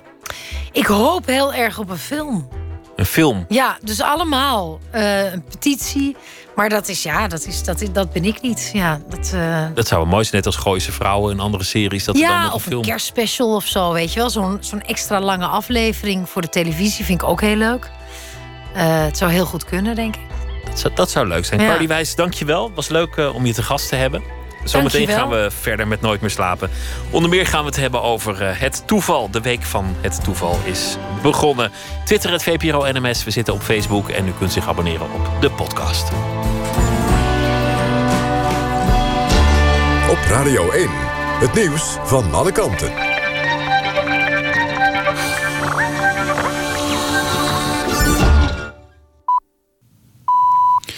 1 uur, Jan van der Putten met het NOS-journaal. Voor de kust van Sicilië zijn vandaag meer dan 1100 vluchtelingen uit zee gered. Er waren 11 reddingsoperaties nodig om ze allemaal op te vissen. De vluchtelingen komen allemaal uit landen ten zuiden van de Sahara. Volgens de Internationale Organisatie voor Migratie, IOM... zijn dit jaar al 31.500 vluchtelingen over zee naar Italië gereisd. Het onkruidbestrijdingsmiddel glyfosaat, dat wordt verkocht als Roundup, veroorzaakt geen kanker. Dat zeggen deskundigen in een advies aan de Wereldgezondheidsorganisatie WHO. Een ander adviesorgaan zei eerder dat glyfosaat wel kankerverwekkend is. In de Tweede Kamer vroeg een aantal partijen toen om een verbod op het middel. Roundup wordt veel gebruikt in de Europese landbouw. Het aantal bezoekers van de musical Soldaat van Oranje is de 2 miljoen gepasseerd. Afgelopen november brak de voorstelling al het record van meeste bezoekers ooit voor een Nederlandse musical. Soldaat van Oranje wordt opgevoerd sinds oktober 2010. Het is al geruime tijd de langslopende voorstelling in een Nederlands theater. Minister Schultz van Verkeer is tegen de heffing die Vlaanderen wil invoeren voor personenauto's. Schultz zegt dat de maatregel Nederlandse automobilisten dupeert. België heeft sinds 1 april al een kilometerheffing voor vrachtwagens. De Vlaamse minister Wijts zegt dat hij ook een heffing wil gaan invoeren voor personenauto's. De extra inkomsten wil hij gebruiken voor het opknappen van de wegen. Bij een aardverschuiving in Indonesië zijn zeker 17 mensen om het leven gekomen. Er zijn vier vermisten. Een groep van 70 studenten en twee gidsen werd verrast door de aardverschuiving bij een waterval in Noord-Sumatra. De aardverschuiving was het gevolg van zware regenval. Het weer vannacht op de meeste plaatsen droog. Minimumtemperatuur een graad of 5. Overdag zon en wolken. In het oosten en zuidoosten een bui. En het wordt 11 tot 15 graden. Dit was het NOS Journaal. NPO Radio 1. VPRO. Nooit meer slapen.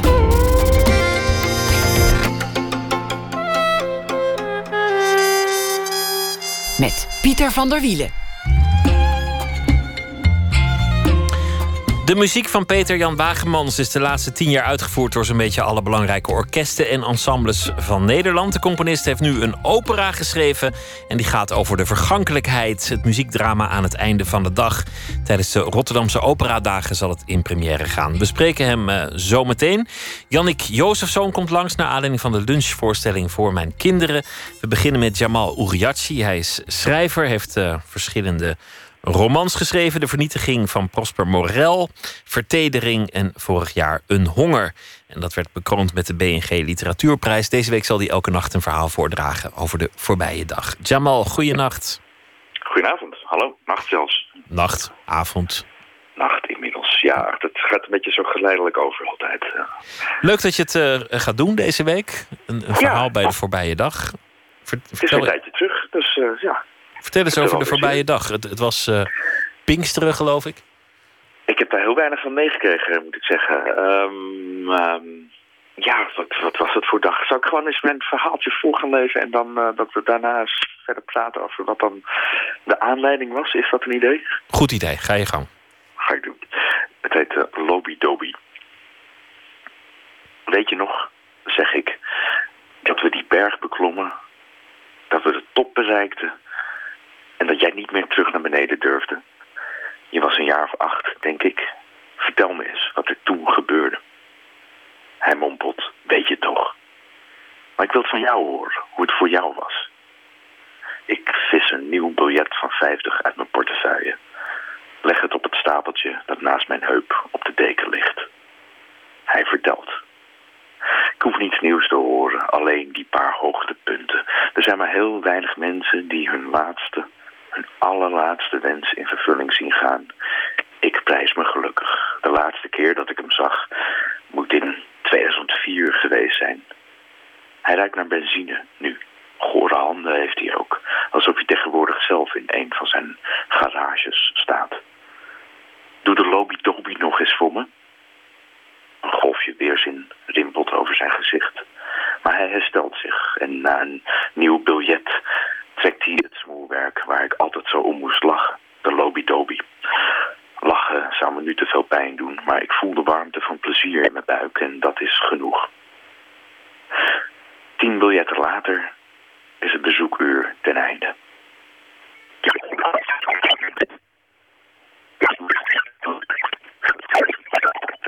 Wil je dat doen?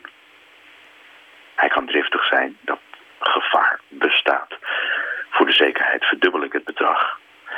En dan zegt hij het toch. Vergeef me, vader. Schuchter staat hij op. Een korte buiging. Dan is hij de kamer uit. Naast mijn hand ligt onaangeroerd het stapeltje bankbiljetten. Heel even viel je weg, maar ik, ik geloof dat het verhaal nog te volgen was. We hebben, we hebben één, één zin net, net moeten, moeten missen uit het, eh, uit het betoog. dat de cruciale zin natuurlijk weer. dat, zou je, dat zou je nooit weten, maar ineens, ineens nee, ging, zoals, je- zoals je dat met mobiele telefonie hebt, ging het, eh, ging het, Ja. ging het een beetje heen en, heen en weer eigenlijk. ja, dat Dus, wordt toch Skypen morgen. Ja, ik, ik, weet ook niet, eh, ik weet ook niet hoe we, dat, eh, hoe we dat gaan aanpakken. Nou ja, Ah, ja. Ja, het heeft ook wel iets klassieks, vind ik. Zo, zo telefoneren op de radio. Zo inbellen. Het- het- ja het- het, is zenuwslopend. Het gaat, het gaat ook meestal, eh, meestal een- beetje mis. Dus, dus je verhaal werd, werd door de telecommunicatiedienst enigszins eh, Ik, ik, verstoord. zal morgen, ik zal morgen op mijn website zetten. Kunnen de, de mensen die die ene zin gemist hebben... hem alsnog eh, online lezen. Dat, eh, Dat is, eh, dat is aardig van je.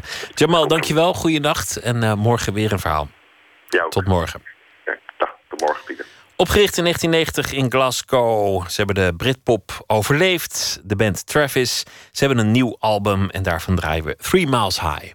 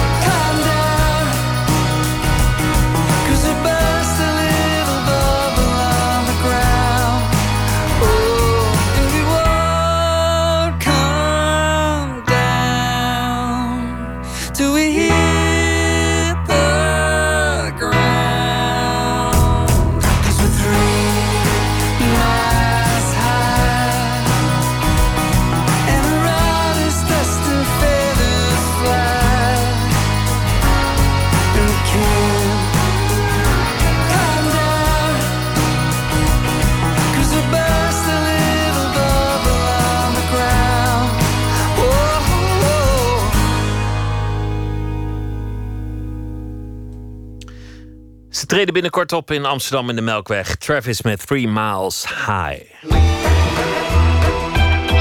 Nooit meer slapen.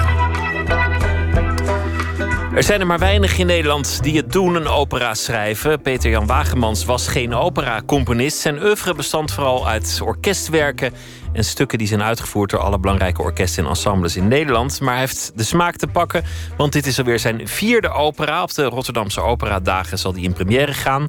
Aan het einde van de dag is de titel. Verslaggever Nicole Terborg ontmoet de componist bij een repetitie in Rotterdam.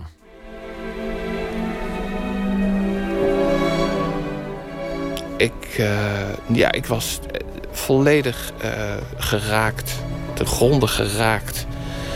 Ik geloof niet, niet eens dat ik een lachen of een huilen toekwam. Want het, het, het was, het was een opgaan. Ik, ik bestond niet meer. Tom, als je aankomt bij 567, tweede maat op bladzij 40... daar heb je dan dat uh, perquet. Ja. Dat heb ik een beetje gedacht als zo'n echte Italiaanse fermate. Echt zo'n Puccini fermate. Oh jee.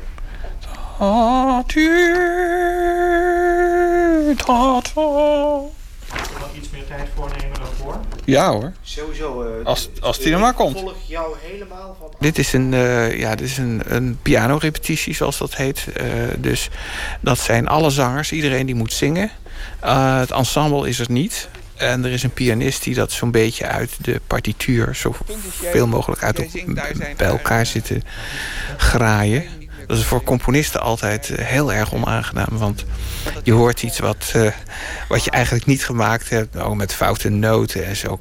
Op, bij een ensemble klinkt het dan veel anders en beter en zo. Maar ja, zo, zo is het nou eenmaal. En dan daarna komt het ensemble erbij en dan valt het opeens op zijn plek. En dan denk je, oh, oh ja, gelukkig, kan het, ik bleek het toch nog te kunnen.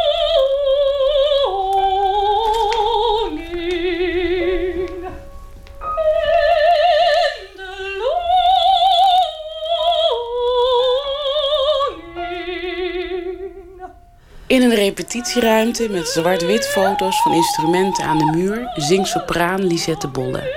Ze zit tussen haar tegenspelers in tenor Alexander Oliver en bariton Tom Sol. Tegenover hen staat dirigent Hans Leenders. En aan de kant, gekleed in het zwart, zit Peter Jan Wagemans met bladmuziek in zijn hand. Aan het einde van de dag gaat over een driehoeksverhouding tussen twee mannen en een vrouw. En het gaat over vergankelijkheid en de angst daarvoor. Graag wilde ik afsluiten met een lied dat mij zeer aan het hart ligt. Het is van de helaas zo onbekend gebleven Weense componist Jozef Knaarbijn. En verklankt zo prachtig. Het afscheid van de zomer. Hey, Wanneer? Begin nu maar. Begin. Oh ja.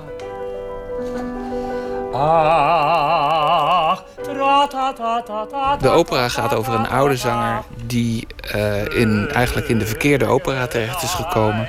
En tot overmaat van ramp uh, wordt hij omringd door een, een man die hem bewondert en die van hem houdt, maar die hij niet wil. En een vrouw die hij wel leuk in ieder geval lekker vindt, uh, maar die hem niet wil. En die drie die krijgen uh, al ruziend, trachten ze zich naar het einde van die opera toe te bewegen.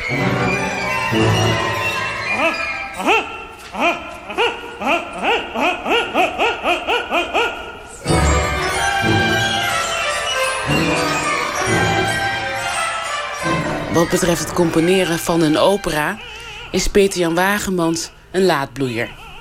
Hij is boven de 50 jaar wanneer hij in 2006 zijn eerste grote opera getiteld Legende schrijft.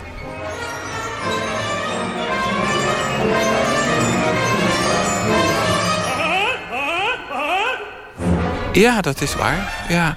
Ik weet niet, ik, ik heb uh, altijd het idee gehad dat ik op een gegeven moment opera zou schrijven.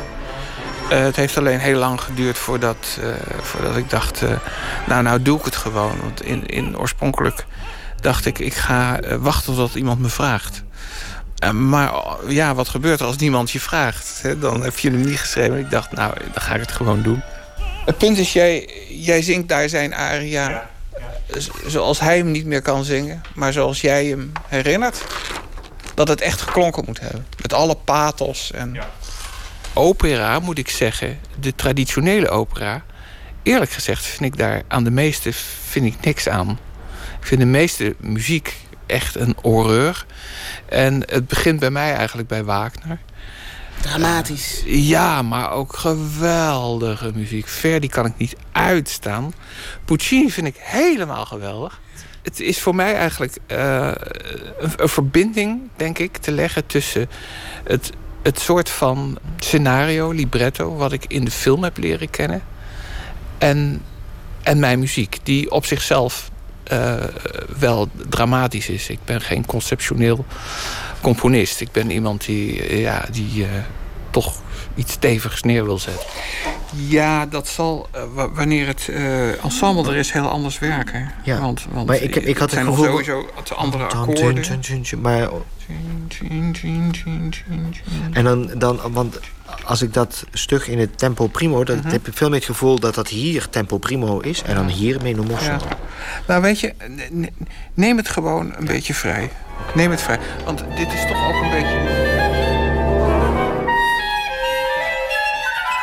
Peter Jan is 19 jaar wanneer hij erachter komt dat componeren zijn roeping is. Toen was er een Holland Festival produ- productie, een aantal producties rond de componist Bertel Louis Zimmerman.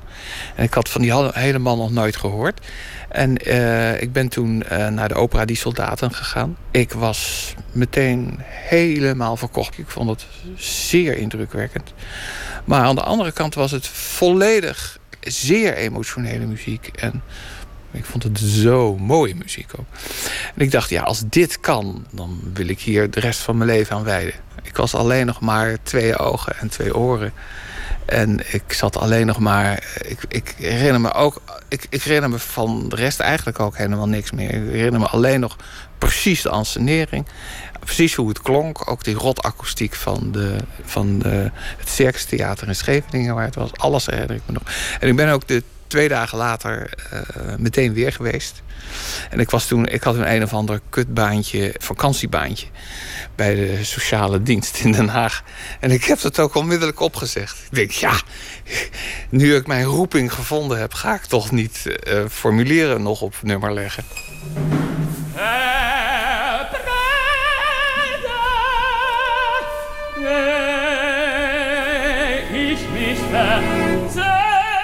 Ik, eh, ja, ik was eh, volledig eh, geraakt, te gronden geraakt.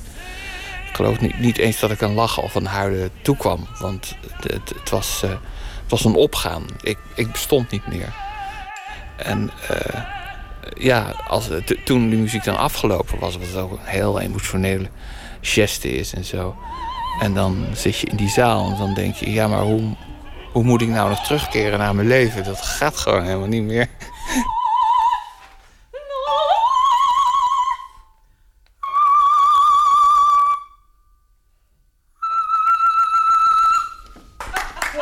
Ja, je, je, hoeft- je hoeft niet eens zo hoog. Je hoeft niet eens zo hoog. Maar eh, bravo hoor. Prachtig. En toen wist je, ik wil componist worden. Ja. Was het toen echt al duidelijk? Ik heb daarvoor altijd wel gecomponeerd. Ik ben op mijn derde of vierde jaar ben ik eh, aan die piano gaan zitten. En ik, ik, ik was nooit erg goed in eh, studeren. Ik had er geen geduld voor. En ik wilde gewoon eigenlijk zelf dingen aan zo'n piano vinden. En dat dan aan anderen mededelen. Op die manier eigenlijk een soort contact maken met anderen van hoor eens. En dat ging natuurlijk altijd een beetje moeizaam. Want mensen willen uiteindelijk dat je gewoon een, een, een, een stukje spelen. En, en dat ze daarmee kunnen scoren op de verjaardagen van de familie. Dat is wat ze leuk vinden. Dus het idee van, ja, maar misschien ben ik veel meer componist dan dat ik speler ben, dat zat er eigenlijk van meet af aan al een beetje in. Eh, maar goed, ja, ik was 19, je gaat, ik was op mijn 17 op het conservatorium. Dus ik was er vroeg bij en toen eh, studeerde ik compositie, en, maar ook orgel en piano. En ik had nog ideeën eh, eerst van, ja, ik wil niet een echte componist worden. Ik wil componist van filmmuziek worden. Dus ik ga hier wat dingen leren en dan daarna ga ik naar Amerika en, en daar ga ik eh, filmmuziek maken. Dat En- is niet gebeurd. Dat is niet, nee, dat is niet gebeurd. Want na, na het Simaman dacht ik van... eh, nee, dit is, dit, is mijn, dit is de wereld waar ik bij hoor. Want je hebt natuurlijk ook een heleboel hele erge vervelende films. En dan moet je dan waarschijnlijk eerst muziek voor maken. Allemaal van die achtervolgingsmuziekjes en zo. Dus dan kan ik beter meteen het hoogste, naar het hoogste mikken. Unser Lied ist nicht.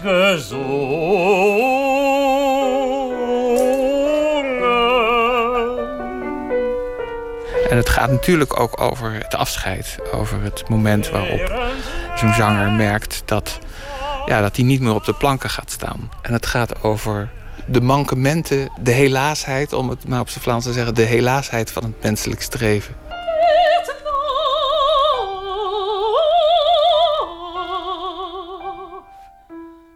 De opera aan het einde van de dag van Peter Jan Wagemans gaat 20 mei in première in de Schouwburg van Rotterdam tijdens de Operadagen. Zonder twijfel een van de meest speciale stemmen die de popmuziek heeft voortgebracht. Karen Dalton. Begin jaren 60 maakte zij deel uit van de folk scene rond onder andere Bob Dylan. Na twee platen raakte ze in de vergetelheid. Stierf pas in 1993 aan de gevolgen van eh, AIDS en kanker. We gaan luisteren naar een van haar eh, mooiere stukken. Blues on the Ceiling.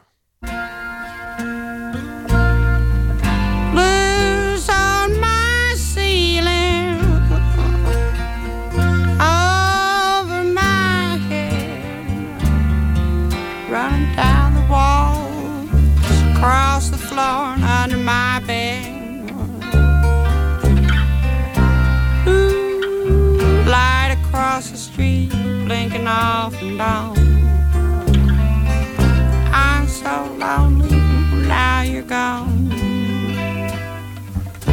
I never get out of these blues.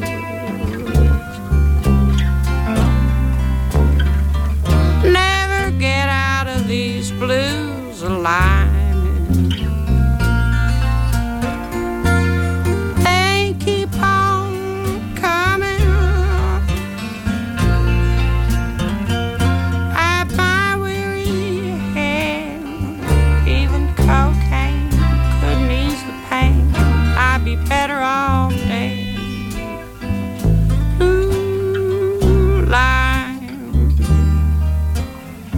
Going out so I can sleep. Better the blues, the better they'll keep. I'll never get out of these blues alive, alive, alive. Never get out of these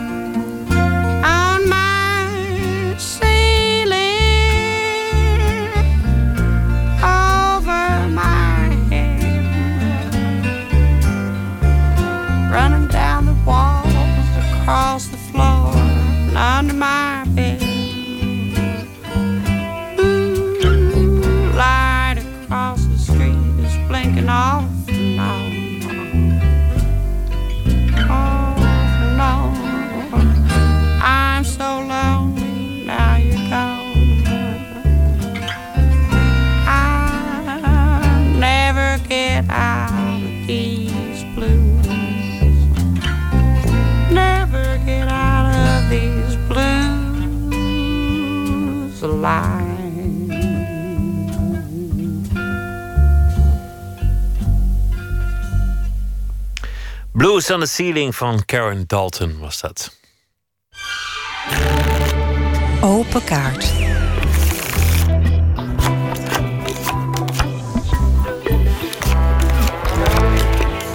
Een bak met 150 vragen. Elke kaart staat een vraag op.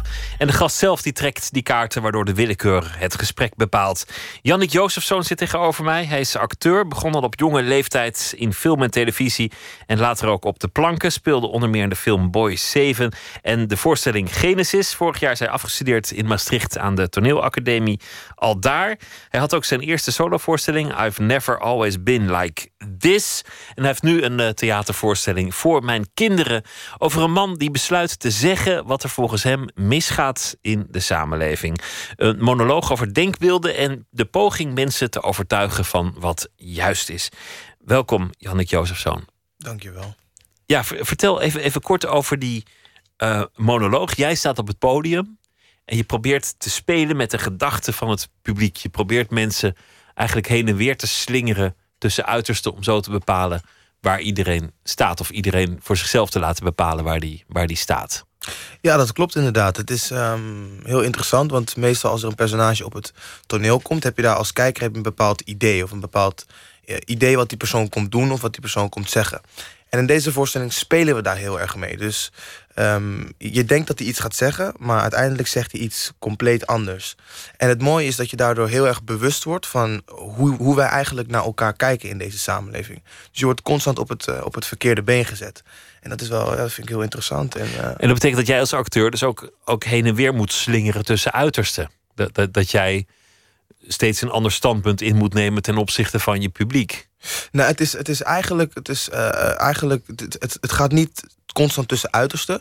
Maar het standpunt wat ik in deze voorstelling um, uh, aan, aan het verkondigen ben, dat staat heel erg ver af van het standpunt wat je denkt dat ik zal hebben. Dat is heel erg. Dat, dat, is, dat is zeg maar de mindfuck, om even in die, dat soort termen te spreken. Ja. Je hebt al gerepeteerd. Ja, klopt, uh, de try-outs die moeten nog, moeten nog komen. Hoe, hoe vind je het tot nu toe om het, om het te spelen? Wat, uh, ja, ik vind wat het, gebeurt er met je? Ik vind het echt ik vind het hartstikke gaaf om te spelen. Want um, normaal als acteur of misschien ook als mens... dan wil je graag, je wil graag leuk gevonden worden. En je wil dat mensen je aardig vinden. En in deze voorstelling begin ik eigenlijk als een hele aardige, sympathieke jongen. En langzamerhand worden er dingen gezegd waarvan je als kijker zou kunnen denken van... Hm, maar wacht even, ben ik het hier wel mee eens? En dan kan je nog denken van, oh ja, misschien eigenlijk wel. En dan de volgende ding wat ik zeg, dan denk je weer van... hé, hey, maar wacht even, hier wil ik het helemaal niet mee eens zijn. En dat stapelt zich dan op. En op een gegeven moment dan voel je letterlijk in het publiek... een soort van, dat er een soort van afstand gecreëerd wordt. En in het begin vond ik dat best wel lastig. Dat je denkt van, oh jee, maar wacht even. De mensen zijn wel met me mee, maar ik heb het gevoel... dat ze mij niet meer zo heel erg aardig vinden op dit moment. Je voelde de afkeuring van de zaal. Ja, op, ja eigenlijk naar de af, ja, afkeuring. Ik weet niet of dat per se het goede woord is. Maar je voelde dat, er, dat zij iets anders dachten dan ik. Of dat ze in ieder geval zelf heel erg een, eigen standpunt innamen. Wat vaak niet strookte met het standpunt wat het personage inneemt. En dat is, vond ik in het begin wel lastig. Omdat je, ja, toch wel een beetje pleasen als acteur. En um, dus daar moest ik even aan wennen. Maar na verloop van tijd, toen ik twee, drie keer had gespeeld in een, uh, in repetitie voor publiek toen begon ik daar echt van te genieten. En toen wist ik van, oké, dit is dus wat deze voorstelling nodig heeft. En nu, als ik op dat punt ben, dan denk ik... ik heb jullie, ik ben waar ik moet zijn. Dus dat is, uh, daar ga ik een beetje doorheen, elke voorstelling. Het lijkt me ook spannend om, om, om mee te maken. Om op het podium te staan en echt mensen een beetje tot het uiterste te drijven... en ook tegen je in het harnas te jagen of tegen je personage. Maar in ieder geval om ze, om ze een beetje heen en weer te slingeren.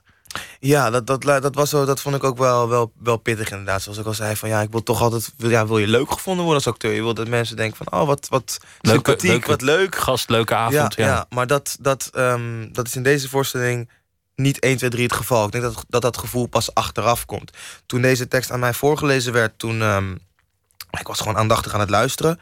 En echt nadat het klaar was, er ontstond een soort van explosie in mijn hoofd. Echt, ik dacht van, wat wat gebeurt hier nu? Wat is dit? En pas na een half uur, pardon, en zelfs na een, zelfs na een dag of twee... toen begon echt dat gevoel in te dalen van... maar wacht even, dit is precies de bedoeling. Dat ik zo schaakmat word gezet. En dat ik zo geconfronteerd word met, met, uh, met hoe ik uh, over, over dit thema... Dit, dit thema denk, zeg maar. En het thema, dat zijn de groepen in de samenleving... die steeds meer met de rug naar elkaar toe komen te staan... of die een steeds hardere houding innemen ten opzichte van elkaar. Ja, precies. De, de samenleving die wat gespletener Ja, raakt. precies. Ja, eigenlijk gewoon de, de, de verharding in, in, in, in de maatschappij. Daar gaat het eigenlijk over, inderdaad, ja. Dus mensen hebben bepaalde ideeën over elkaar... en zijn het met sommige dingen niet eens. En ehm, eh, ja, daar, daar wordt over gesproken eigenlijk in deze voorstelling. Dit is, en ik wil er ook niet te veel over, over vertellen, inhoudelijk gezien. Omdat het is echt, het is eigenlijk essentieel dat je er heel erg blanco ingaat... zodat je jezelf een eerlijke kans kan geven... om te kijken waar jij in dit, in dit debat staat eigenlijk. Laten we beginnen met de kaart. Ik wil je Ja, vragen top. om een kaart te trekken. Eh, doe een beetje halverwege, want eh, schudden is niet mijn forte. Ja, zal ik mijn ogen even, even dicht doen, ook al zie ik niks. Ja, Ja. zo. En dan mag ik hem voorlezen? Ja. Wanneer ben je wanhopig in het maakproces? Ja. Ehm, ik denk dat ik wanhopig ben in het maakproces wanneer ik ehm, zelf wanhopig ben. Dus wanneer ik er zelf geen vertrouwen meer in heb. Ik probeer nu steeds vaker, ehm, eigenlijk wanneer ik eh, begin met iets te maken, alle onzekerheden op een bepaalde manier uit te schakelen. Want ik weet dat die er zullen zijn, maar ik weet ook dat die me niet verder zullen helpen. Dus om gewoon eh, zo'n fijn mogelijk gevoel te creëren voor mezelf in een maakproces, probeer ik die gewoon overboord te gooien, de onzekerheden. Maar als me dat niet lukt, om die onzekerheden, onzekerheden overboord te gooien, dan weet ik dat ik op dat moment geen ruggengraat heb of niet sterk in mijn, lekker in mijn vel zit. En daar word ik zenuwachtig van. Ik denk dat ik niet zozeer zenuwachtig word van het feit dat dingen artistiek niet 1, 2, 3 lopen of zo. Dat gebeurt wel vaker en daar moet je gewoon even doorheen. En ehm, ja, dat is echt, het blijft een, het is een ongoing process waar je jezelf gewoon in moet coachen om eigenlijk constant positief te blijven denken. Dus jezelf negatieve, negatieve gedachten gewoon te filteren en te beseffen van oké, deze gedachte het is niet waardevol of Het helpt voor niet op dit moment. helpt niet. Dus ehm, weg, gewoon meteen weg en weer door. Dus, maar als dat me niet lukt, daar word ik echt, eh, echt wanhopig van. Kortom, als het niet lukt om je gedachten te sturen en jezelf elke dag in te praten: dit wordt gaaf, dit wordt goed, het komt goed, het, het is aan het werken, we Ja, zijn onderweg. Precies. Precies, want het mooie is ook eigenlijk dat nu ik... eh, ik ben dan net sinds afgelopen juli afgestudeerd. En ik kan me nog heel goed herinneren dat toen ik in het eerste jaar van de toneelacademie zat... ehm, eh, ik, ik een presentatie moest geven, een afronding... dat ik zo ongelooflijk zenuwachtig was. En ik wilde het zo graag goed doen. En ehm, nu heb ik dat eigenlijk niet meer. Omdat ik weet dat ik kan vertrouwen op wat ik geleerd heb op die school. Dat ik kan vertrouwen op wie ik ben als persoon. Dat ik kan vertrouwen op, eh, op het talent dat ik dan gekregen heb. Dus het, het vertrouwen geeft me eigenlijk rust. En dan moet ik verder moet ik gewoon doen en maken. En uiteindelijk gaat het gewoon goed komen. Dat hoop ik dan. En, ja, het- En je ja. moet erin geloven. Ja, je moet erin geloven inderdaad. Laten we er nog geen Ja, eh, ja. bekijken. Ik wil trouwens nog even over de voorstelling zeggen... dat Ja. Koos Terpstra het geschreven heeft... en Floris van Delft het regisseert. Ja. En het is een, een Bellevue lunchvoorstelling. Half één begint het elke dag. En het is van 19 mei tot 15 tot 5 juni. Correctie. Ja. Goed dat je het gezegd hebt. En Ik een zou- co-productie met, met Like Minds. Ja, ik had ja. het anders allemaal na afloop verteld in de, in de afkondiging. Maar, maar laten we nog een kaart eh, trekken. Wanneer heb je voor het laatst hard gelachen? Ja. Ehm, dat is eigenlijk eh, afgelopen weekend. Toen was ik in, eh, in Maastricht. Omdat we het eh, theaterscholen voetbaltoernooi hebben gehouden. Alle toneelscholen uit Nederland en België die komen dan samen en houden we een, eh, een, een voetbaltoernooi. Maastricht heeft gewonnen. Ik heb de winnende gescoord in de finale. Vind ik heel leuk om te vertellen. En ehm, toen was ik daar, ik was met een vriend, was ik daar naartoe gegaan. En als ik met hem ben, hebben we altijd echt de grootste lol. We, ja, we doen hele kinderachtige dingen bij elkaar. Dan lopen we bijvoorbeeld over, st- over straat en dan komt er een lantaarnpaal aan. En dan geef ik hem vlak voordat we bij die lantaarnpaal zijn net een klein duwtje, zodat hij er tegenaan komt. Ja, heel flauw, heel kinderachtig, maar daar, daar moet ik, heb ik heel hard om gelachen dit weekend. Om dat soort dingen. En je lijkt me iemand die, die wel vrolijk is van nature. Ja, ja ik, ken ik ken mijn pieken en dalen eigenlijk. Maar dat sluit weer aan op, eh, op wat ik net heb gezegd. Dat ik mezelf gewoon de laatste tijd gewoon heel erg probeer te coachen. eh, in, in het positief te blijven denken. Want eh, ja, ik heb ook echt wel tijden gehad dat ik gewoon, ja, gewoon zwaarmoedig was. Het glas half leeg zag. En ik dacht van, komt het allemaal wel goed? Maar ik, ik wil gewoon, ik, ja, ik probeer echt te streven naar een zo gelukkig mogelijk leven voor mezelf. En ik, ik, ja, ik denk gewoon dat, dat, dat je kan jezelf daarin trainen. Gewoon positief blijven denken. En, ehm, en ik merk, het werkt, werkt, werpt ook zijn vruchten af. Want ik voel me ook eh, beter, echt veel beter daardoor. Dus eh, ja, ik ben, wel- ja, ik ben wel een vrolijke jongen. Ik ben zeker wel een vrolijke jongen, hoor. Ja. Trek er nog één. Ben je goed in je werk? Ehm, Ja, dat is moeilijk om over jezelf te zeggen, maar dat moet je op een gegeven moment wel weten. Eh, ja, er is altijd eh, heel veel ruimte voor verbetering natuurlijk. Maar eh, als ik met eerlijkheid terugkijk op de dingen die ik gedaan heb... en met eerlijkheid terugkijk op hoe mensen op mij reageren... vanuit het werkveld en vanuit mijn- omgeving... dan denk ik wel dat ik kan zeggen dat het goed gaat. En ik vind mezelf, ik vind mezelf, ja, ik vind mezelf goed. Ik, wil, ik vind dat ik, dat ik wat ik doe, dat ik dat goed kan. Maar het kan zeker altijd beter en je bent nooit uitgeleerd. Hoe ben je eigenlijk acteur geworden? Nou, ik was eh, toen ik op de, op de basisschool zat, speelde ik eh, een musical, Oliver Twist. En ik speelde Dodger, het straatschoffie. En ik genoot daar zo erg van eh, dat ik dat vaker wilde doen. Toen zei mijn tante van, weet je wat? Eh, toen zei mijn tante tegen mijn moeder van, weet je wat? Schrijf je kinderen in bij een castingbureau. Van het een kwam het ander, zo kreeg ik wat rolletjes. En toen wist ik het, ik wil acteur worden. Altijd dat in mijn achterhoofd gehouden. Toen ik mijn HAVO-diploma had gehaald, dacht ik... ik ga levenservaring opdoen. En naar het buitenland heb ik een jaartje in, in Buenos Aires gewoond. En toen ik terugkwam, meteen audities gedaan. En waarom Buenos Aires eigenlijk? Omdat ik een oom heb die in, eh, in eh, Buenos Aires woonde. Die woont nu trouwens in, eh, in Costa Rica. En, eh, maar toen de tijd woonde die in Buenos Aires en ik ging hem opzoeken. En toen eh, een jaar daar gebleven, een hostel gewerkt. eh, vrienden gemaakt, gechilled, geleefd. Lijkt me een geweldige stad. Het is, een gewel, het is een hele geweldige stad. Een hele grote stad, 8 miljoen inwoners. Heel Europees enerzijds, maar ook echt Latino-Amerika. Ehm, contrast tussen, tussen arm en rijk is, is vrij groot. Ook je hebt daar een beroep, misschien wel interessant te vertellen. Het heet cartoneros. Dat zijn mensen die op straat eh, in vuilniszakken allerlei petflessen en karton zoeken. En dat op gigantische eh, stapels eh, stapelen. Een stapel zo hoog, hoog als, een, als, een, als een grote bestelbus. En die hebben daar dan een ezel voor lopen. Of sommigen die, die tillen dat zelf. En die lopen dan de hele stad door. En dat leveren ze dan in. En daar krijgen ze dan geld voor. Of dan komen kindjes die op straat naar je toe komen en zeggen van... eh, Señor, tenés un pedacito de pizza, weet je wel? Heb je een stukje pizza voor mij? En anderzijds is het ook heel, eh, heel groot. En echt een buzzing city. Geweldig uitgaansleven. Tango, wijn, vlees, barbecue. Het is allemaal eh, mooie stad. Mooie Ja. ervaring daar. Leuk om daar gewoond te hebben. Zullen we nog één kaart eh, doen? En dan hopen dat het eh, de kaart is met de vraag die alles zegt. Heb je ooit een heldendaad verricht? Heb ik ooit een heldendaad verricht? Ja, wat is Nou, een heldendaad? Een heldendaad, ja, het, het kan in iets kleins zitten, toch? Het kan, eh, Ja. het kan zijn iemands leven redden. Maar het kan ook zijn tegen iemand eh, iets liefs zeggen... die zich heel slecht voelt op een bepaalde dag. Ehm, dat, zou de heldendaad, dat zou een heldendaad kunnen zijn ook. En in dat geval heb je het wel eens gedaan, neem ik aan. Ja, zeker. Dan eh, heb ik ook wel eens een heldendaad eh, verricht, ja, ja, ja. Maar misschien is de grootste heldendaad wel... eh, om altijd lief te zijn tegen jezelf. Tegen jezelf? Ja. Misschien wel. Daar, daar begint het toch? Voordat je lief kunt zijn voor een Ja. ander, moet je het eerst zijn voor wel, jezelf. ja, misschien wel. misschien is dat ook wel, eh, is dat ook wel zo. Voor mijn kinderen heet eh, de, de voorstelling, een lunchvoorstelling in Bellevue in Amsterdam. En het is vanaf komend weekend, beginnen jullie hè? Vanaf maandag, denk ik. Donderdag is de eerste try-out. 19e, ja. En eh, ik wens je heel veel succes met wat je gaat doen eh, verder ook na deze voorstelling. En eh, alles wat er op je pad zal komen. Leuk dat je er was. Jannik Jozefzoon, dankjewel. Dankjewel. De Britse zanger James Blake bracht vorige week een nieuw album uit, Colors Anything. En er staat ook een samenwerking op met Bon Iver.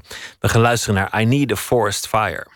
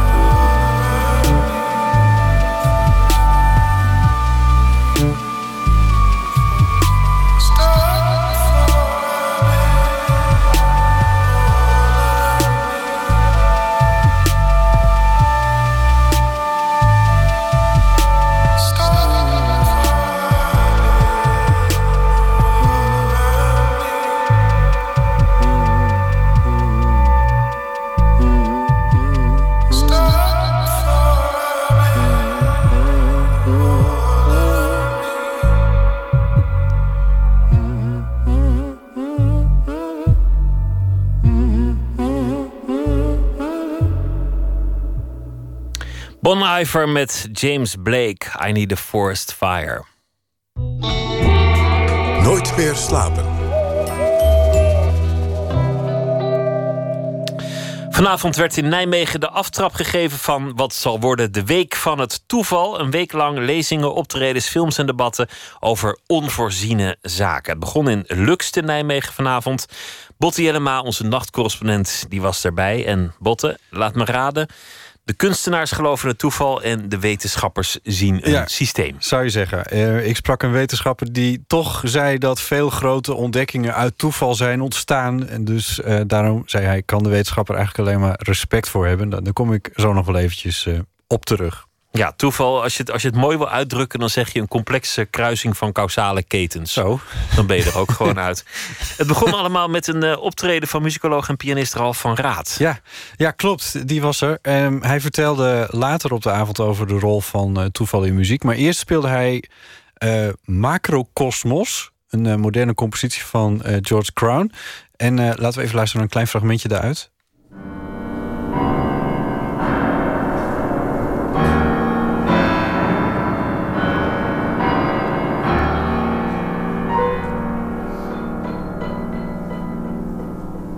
Hier hoor je hem al eventjes iets anders doen. Hè. Hij, speelt eh, de, hij, hij speelt op de toetsen zoals we dat kennen. Dus het systeem van de piano inzettend om muziek te maken. Maar hij plukt ook eventjes...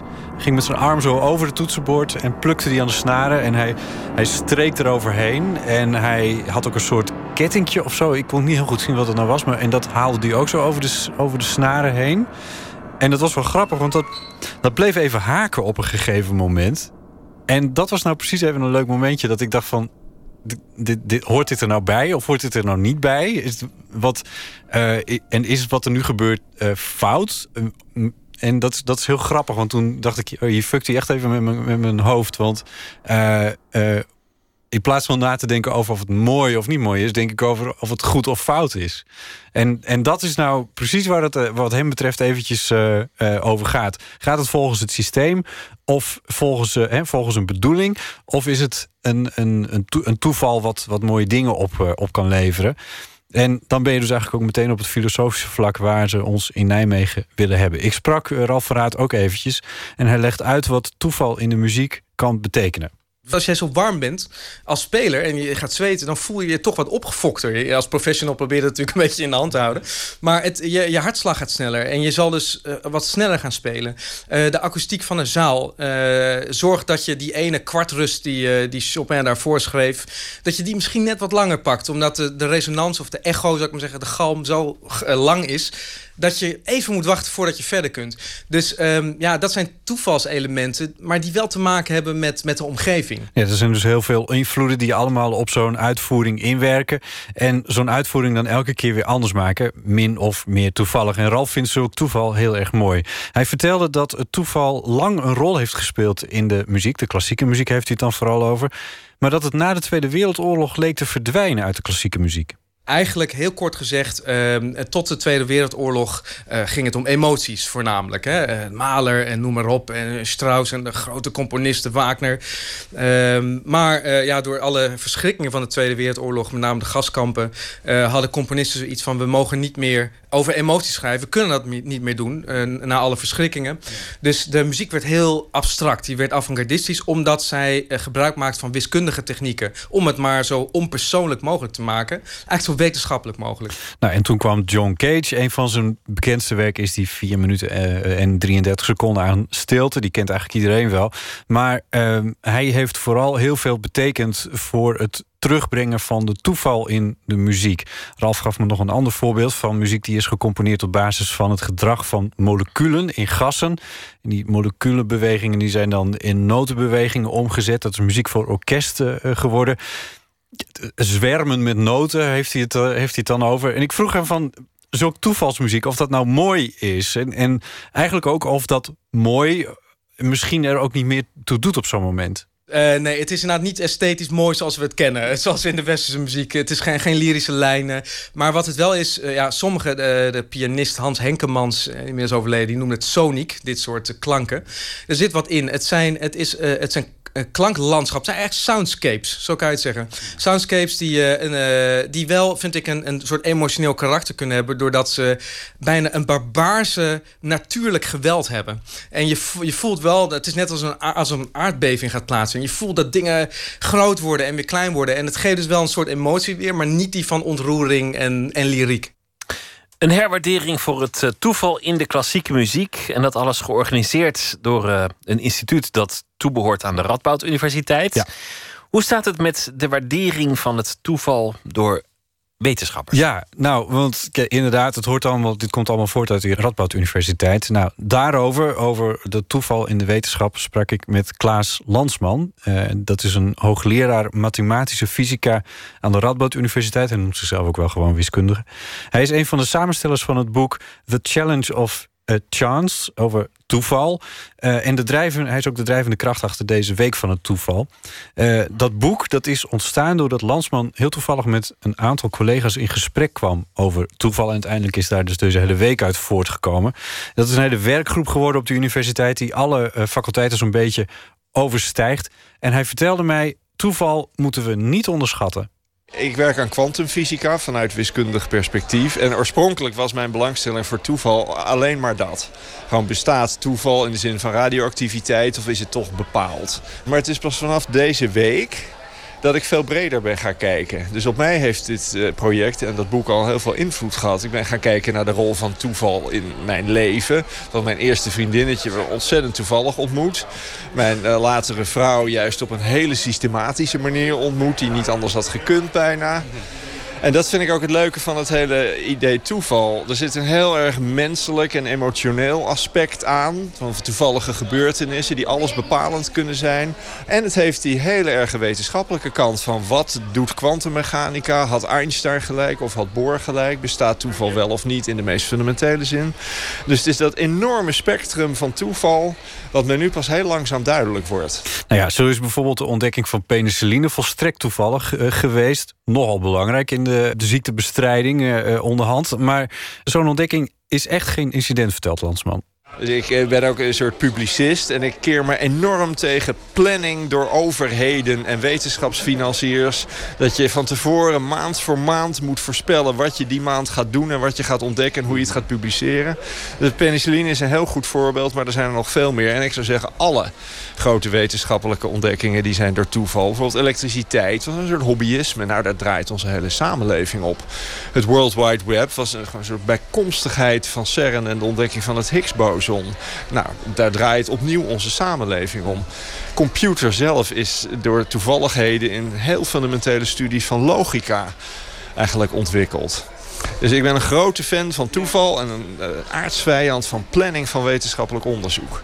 Kortom, eh, toeval dwing je ook af, maar je moet het wel de ruimte eh, geven. Ja, nou, dat is natuurlijk een brede discussie die dan over de financiering van wetenschap gaat. Eh, daar hint hij natuurlijk nu ook op. Dus de dat- hele week is het Ja. de week van het toeval in Nijmegen. Ja. Een mystery college de hele week op de universiteit. Er wordt gespeeld, er worden colleges gehouden. Lezingen over Shakespeare en Lucretius. En interrupties vanuit de zaal met acteurs. Meer informatie ehm, ru.nl slash week van het toeval. Botti Jellema, dankjewel. Graag gedaan. Uit de omgeving van Gent en Kortrijk komt de band Balthasar. Hun laatste plaat is van vorig jaar. Thin Walls is daarvan de titel en het nummer heet Bankers.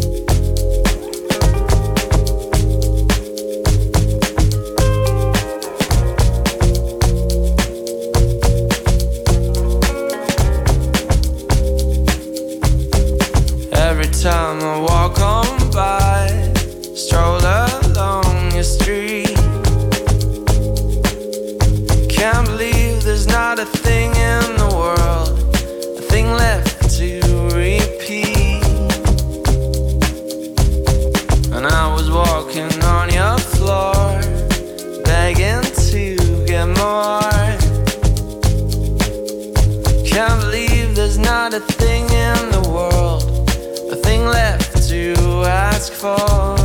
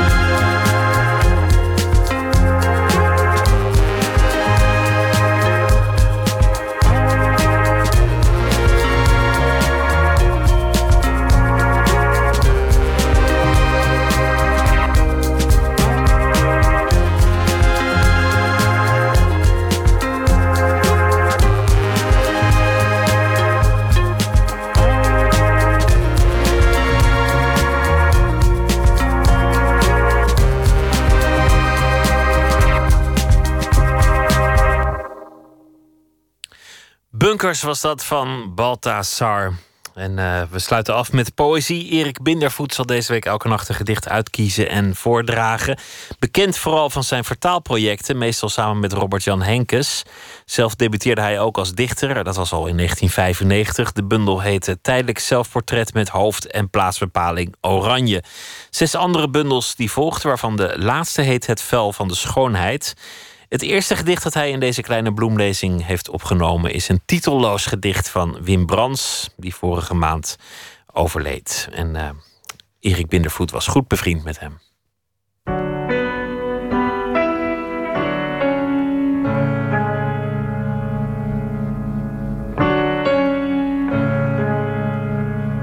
Dit gedicht is een gedicht van Wim Brands. Uh, wat ik eigenlijk had willen voorlezen op de, tijdens de herdenkings uitzending over hem. En daar kwam het toen niet van. Uh, en ik, ik wilde dit heel graag voorlezen omdat ik wist dat dit een van zijn uh, eigen favoriete gedichten was. Op een of andere Wim Brands eigen bizarre manier. In het oosten van Amsterdam tref je aan het water de laatste rafelrand van de stad. Een ijzeren tuin zie je daar bijvoorbeeld. Schroot zo opgesteld dat je je op een mistige dag in de hortus van Hein waant. Tussen het oud roest liggen putdeksels. Stille getuigen van verbazing. Niemand weet meer waarover. Ga erheen als je somber bent. De aanblik stemt vrolijk. Zoals ook de enige regels van de maker. De man die zich noemt de ijzeren dichter. Het moet zo zwaar, het kan niet lichter. Erik Bindervoet was dat met een uh, titeloos gedicht van Wim Brandsen. Morgen zal hij weer een uh, gedicht uitkiezen om de uitzending mee af te sluiten. U kunt zich abonneren op de podcast van dit programma. Dat uh, doet u via de website vpro.nl slash nooit meer slapen of via iTunes. Twitter, het VPRO-NMS. En we zitten ook op Facebook. Morgen in Nooit meer slapen komt Beri Massi langs. Publicist en filmmaker. Haar oorsprong ligt in Iraans Koerdistan. Ze woonde in Los Angeles en Cairo in 2012 verhuisde ze naar Iraaks Koerdistan terug om een nieuwe film uh, te maken daar. Vorig jaar vestigde ze zich weer in Nederland. Nadat de oorlog met IS het wonen en werken in Erbil onmogelijk maakte. Toch staat ze weer op het punt om terug te gaan om daar een filmproject te voltooien. Maar daar zullen we het morgen nog even over hebben. En uh, heel veel andere onderwerpen morgen in Nooit meer slapen. Zometeen uh, kunt u luisteren naar de EO op NPO Radio 1. En ik wens u een hele goede nacht. Morgen een leuke dag en graag weer tot morgen.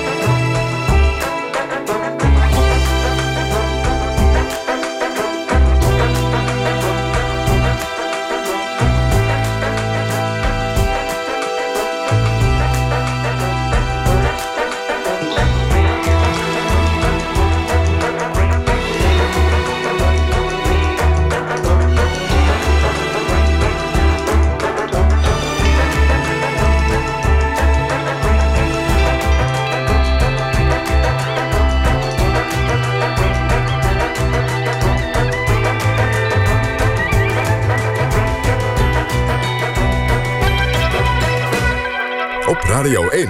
Het nieuws van alle kanten.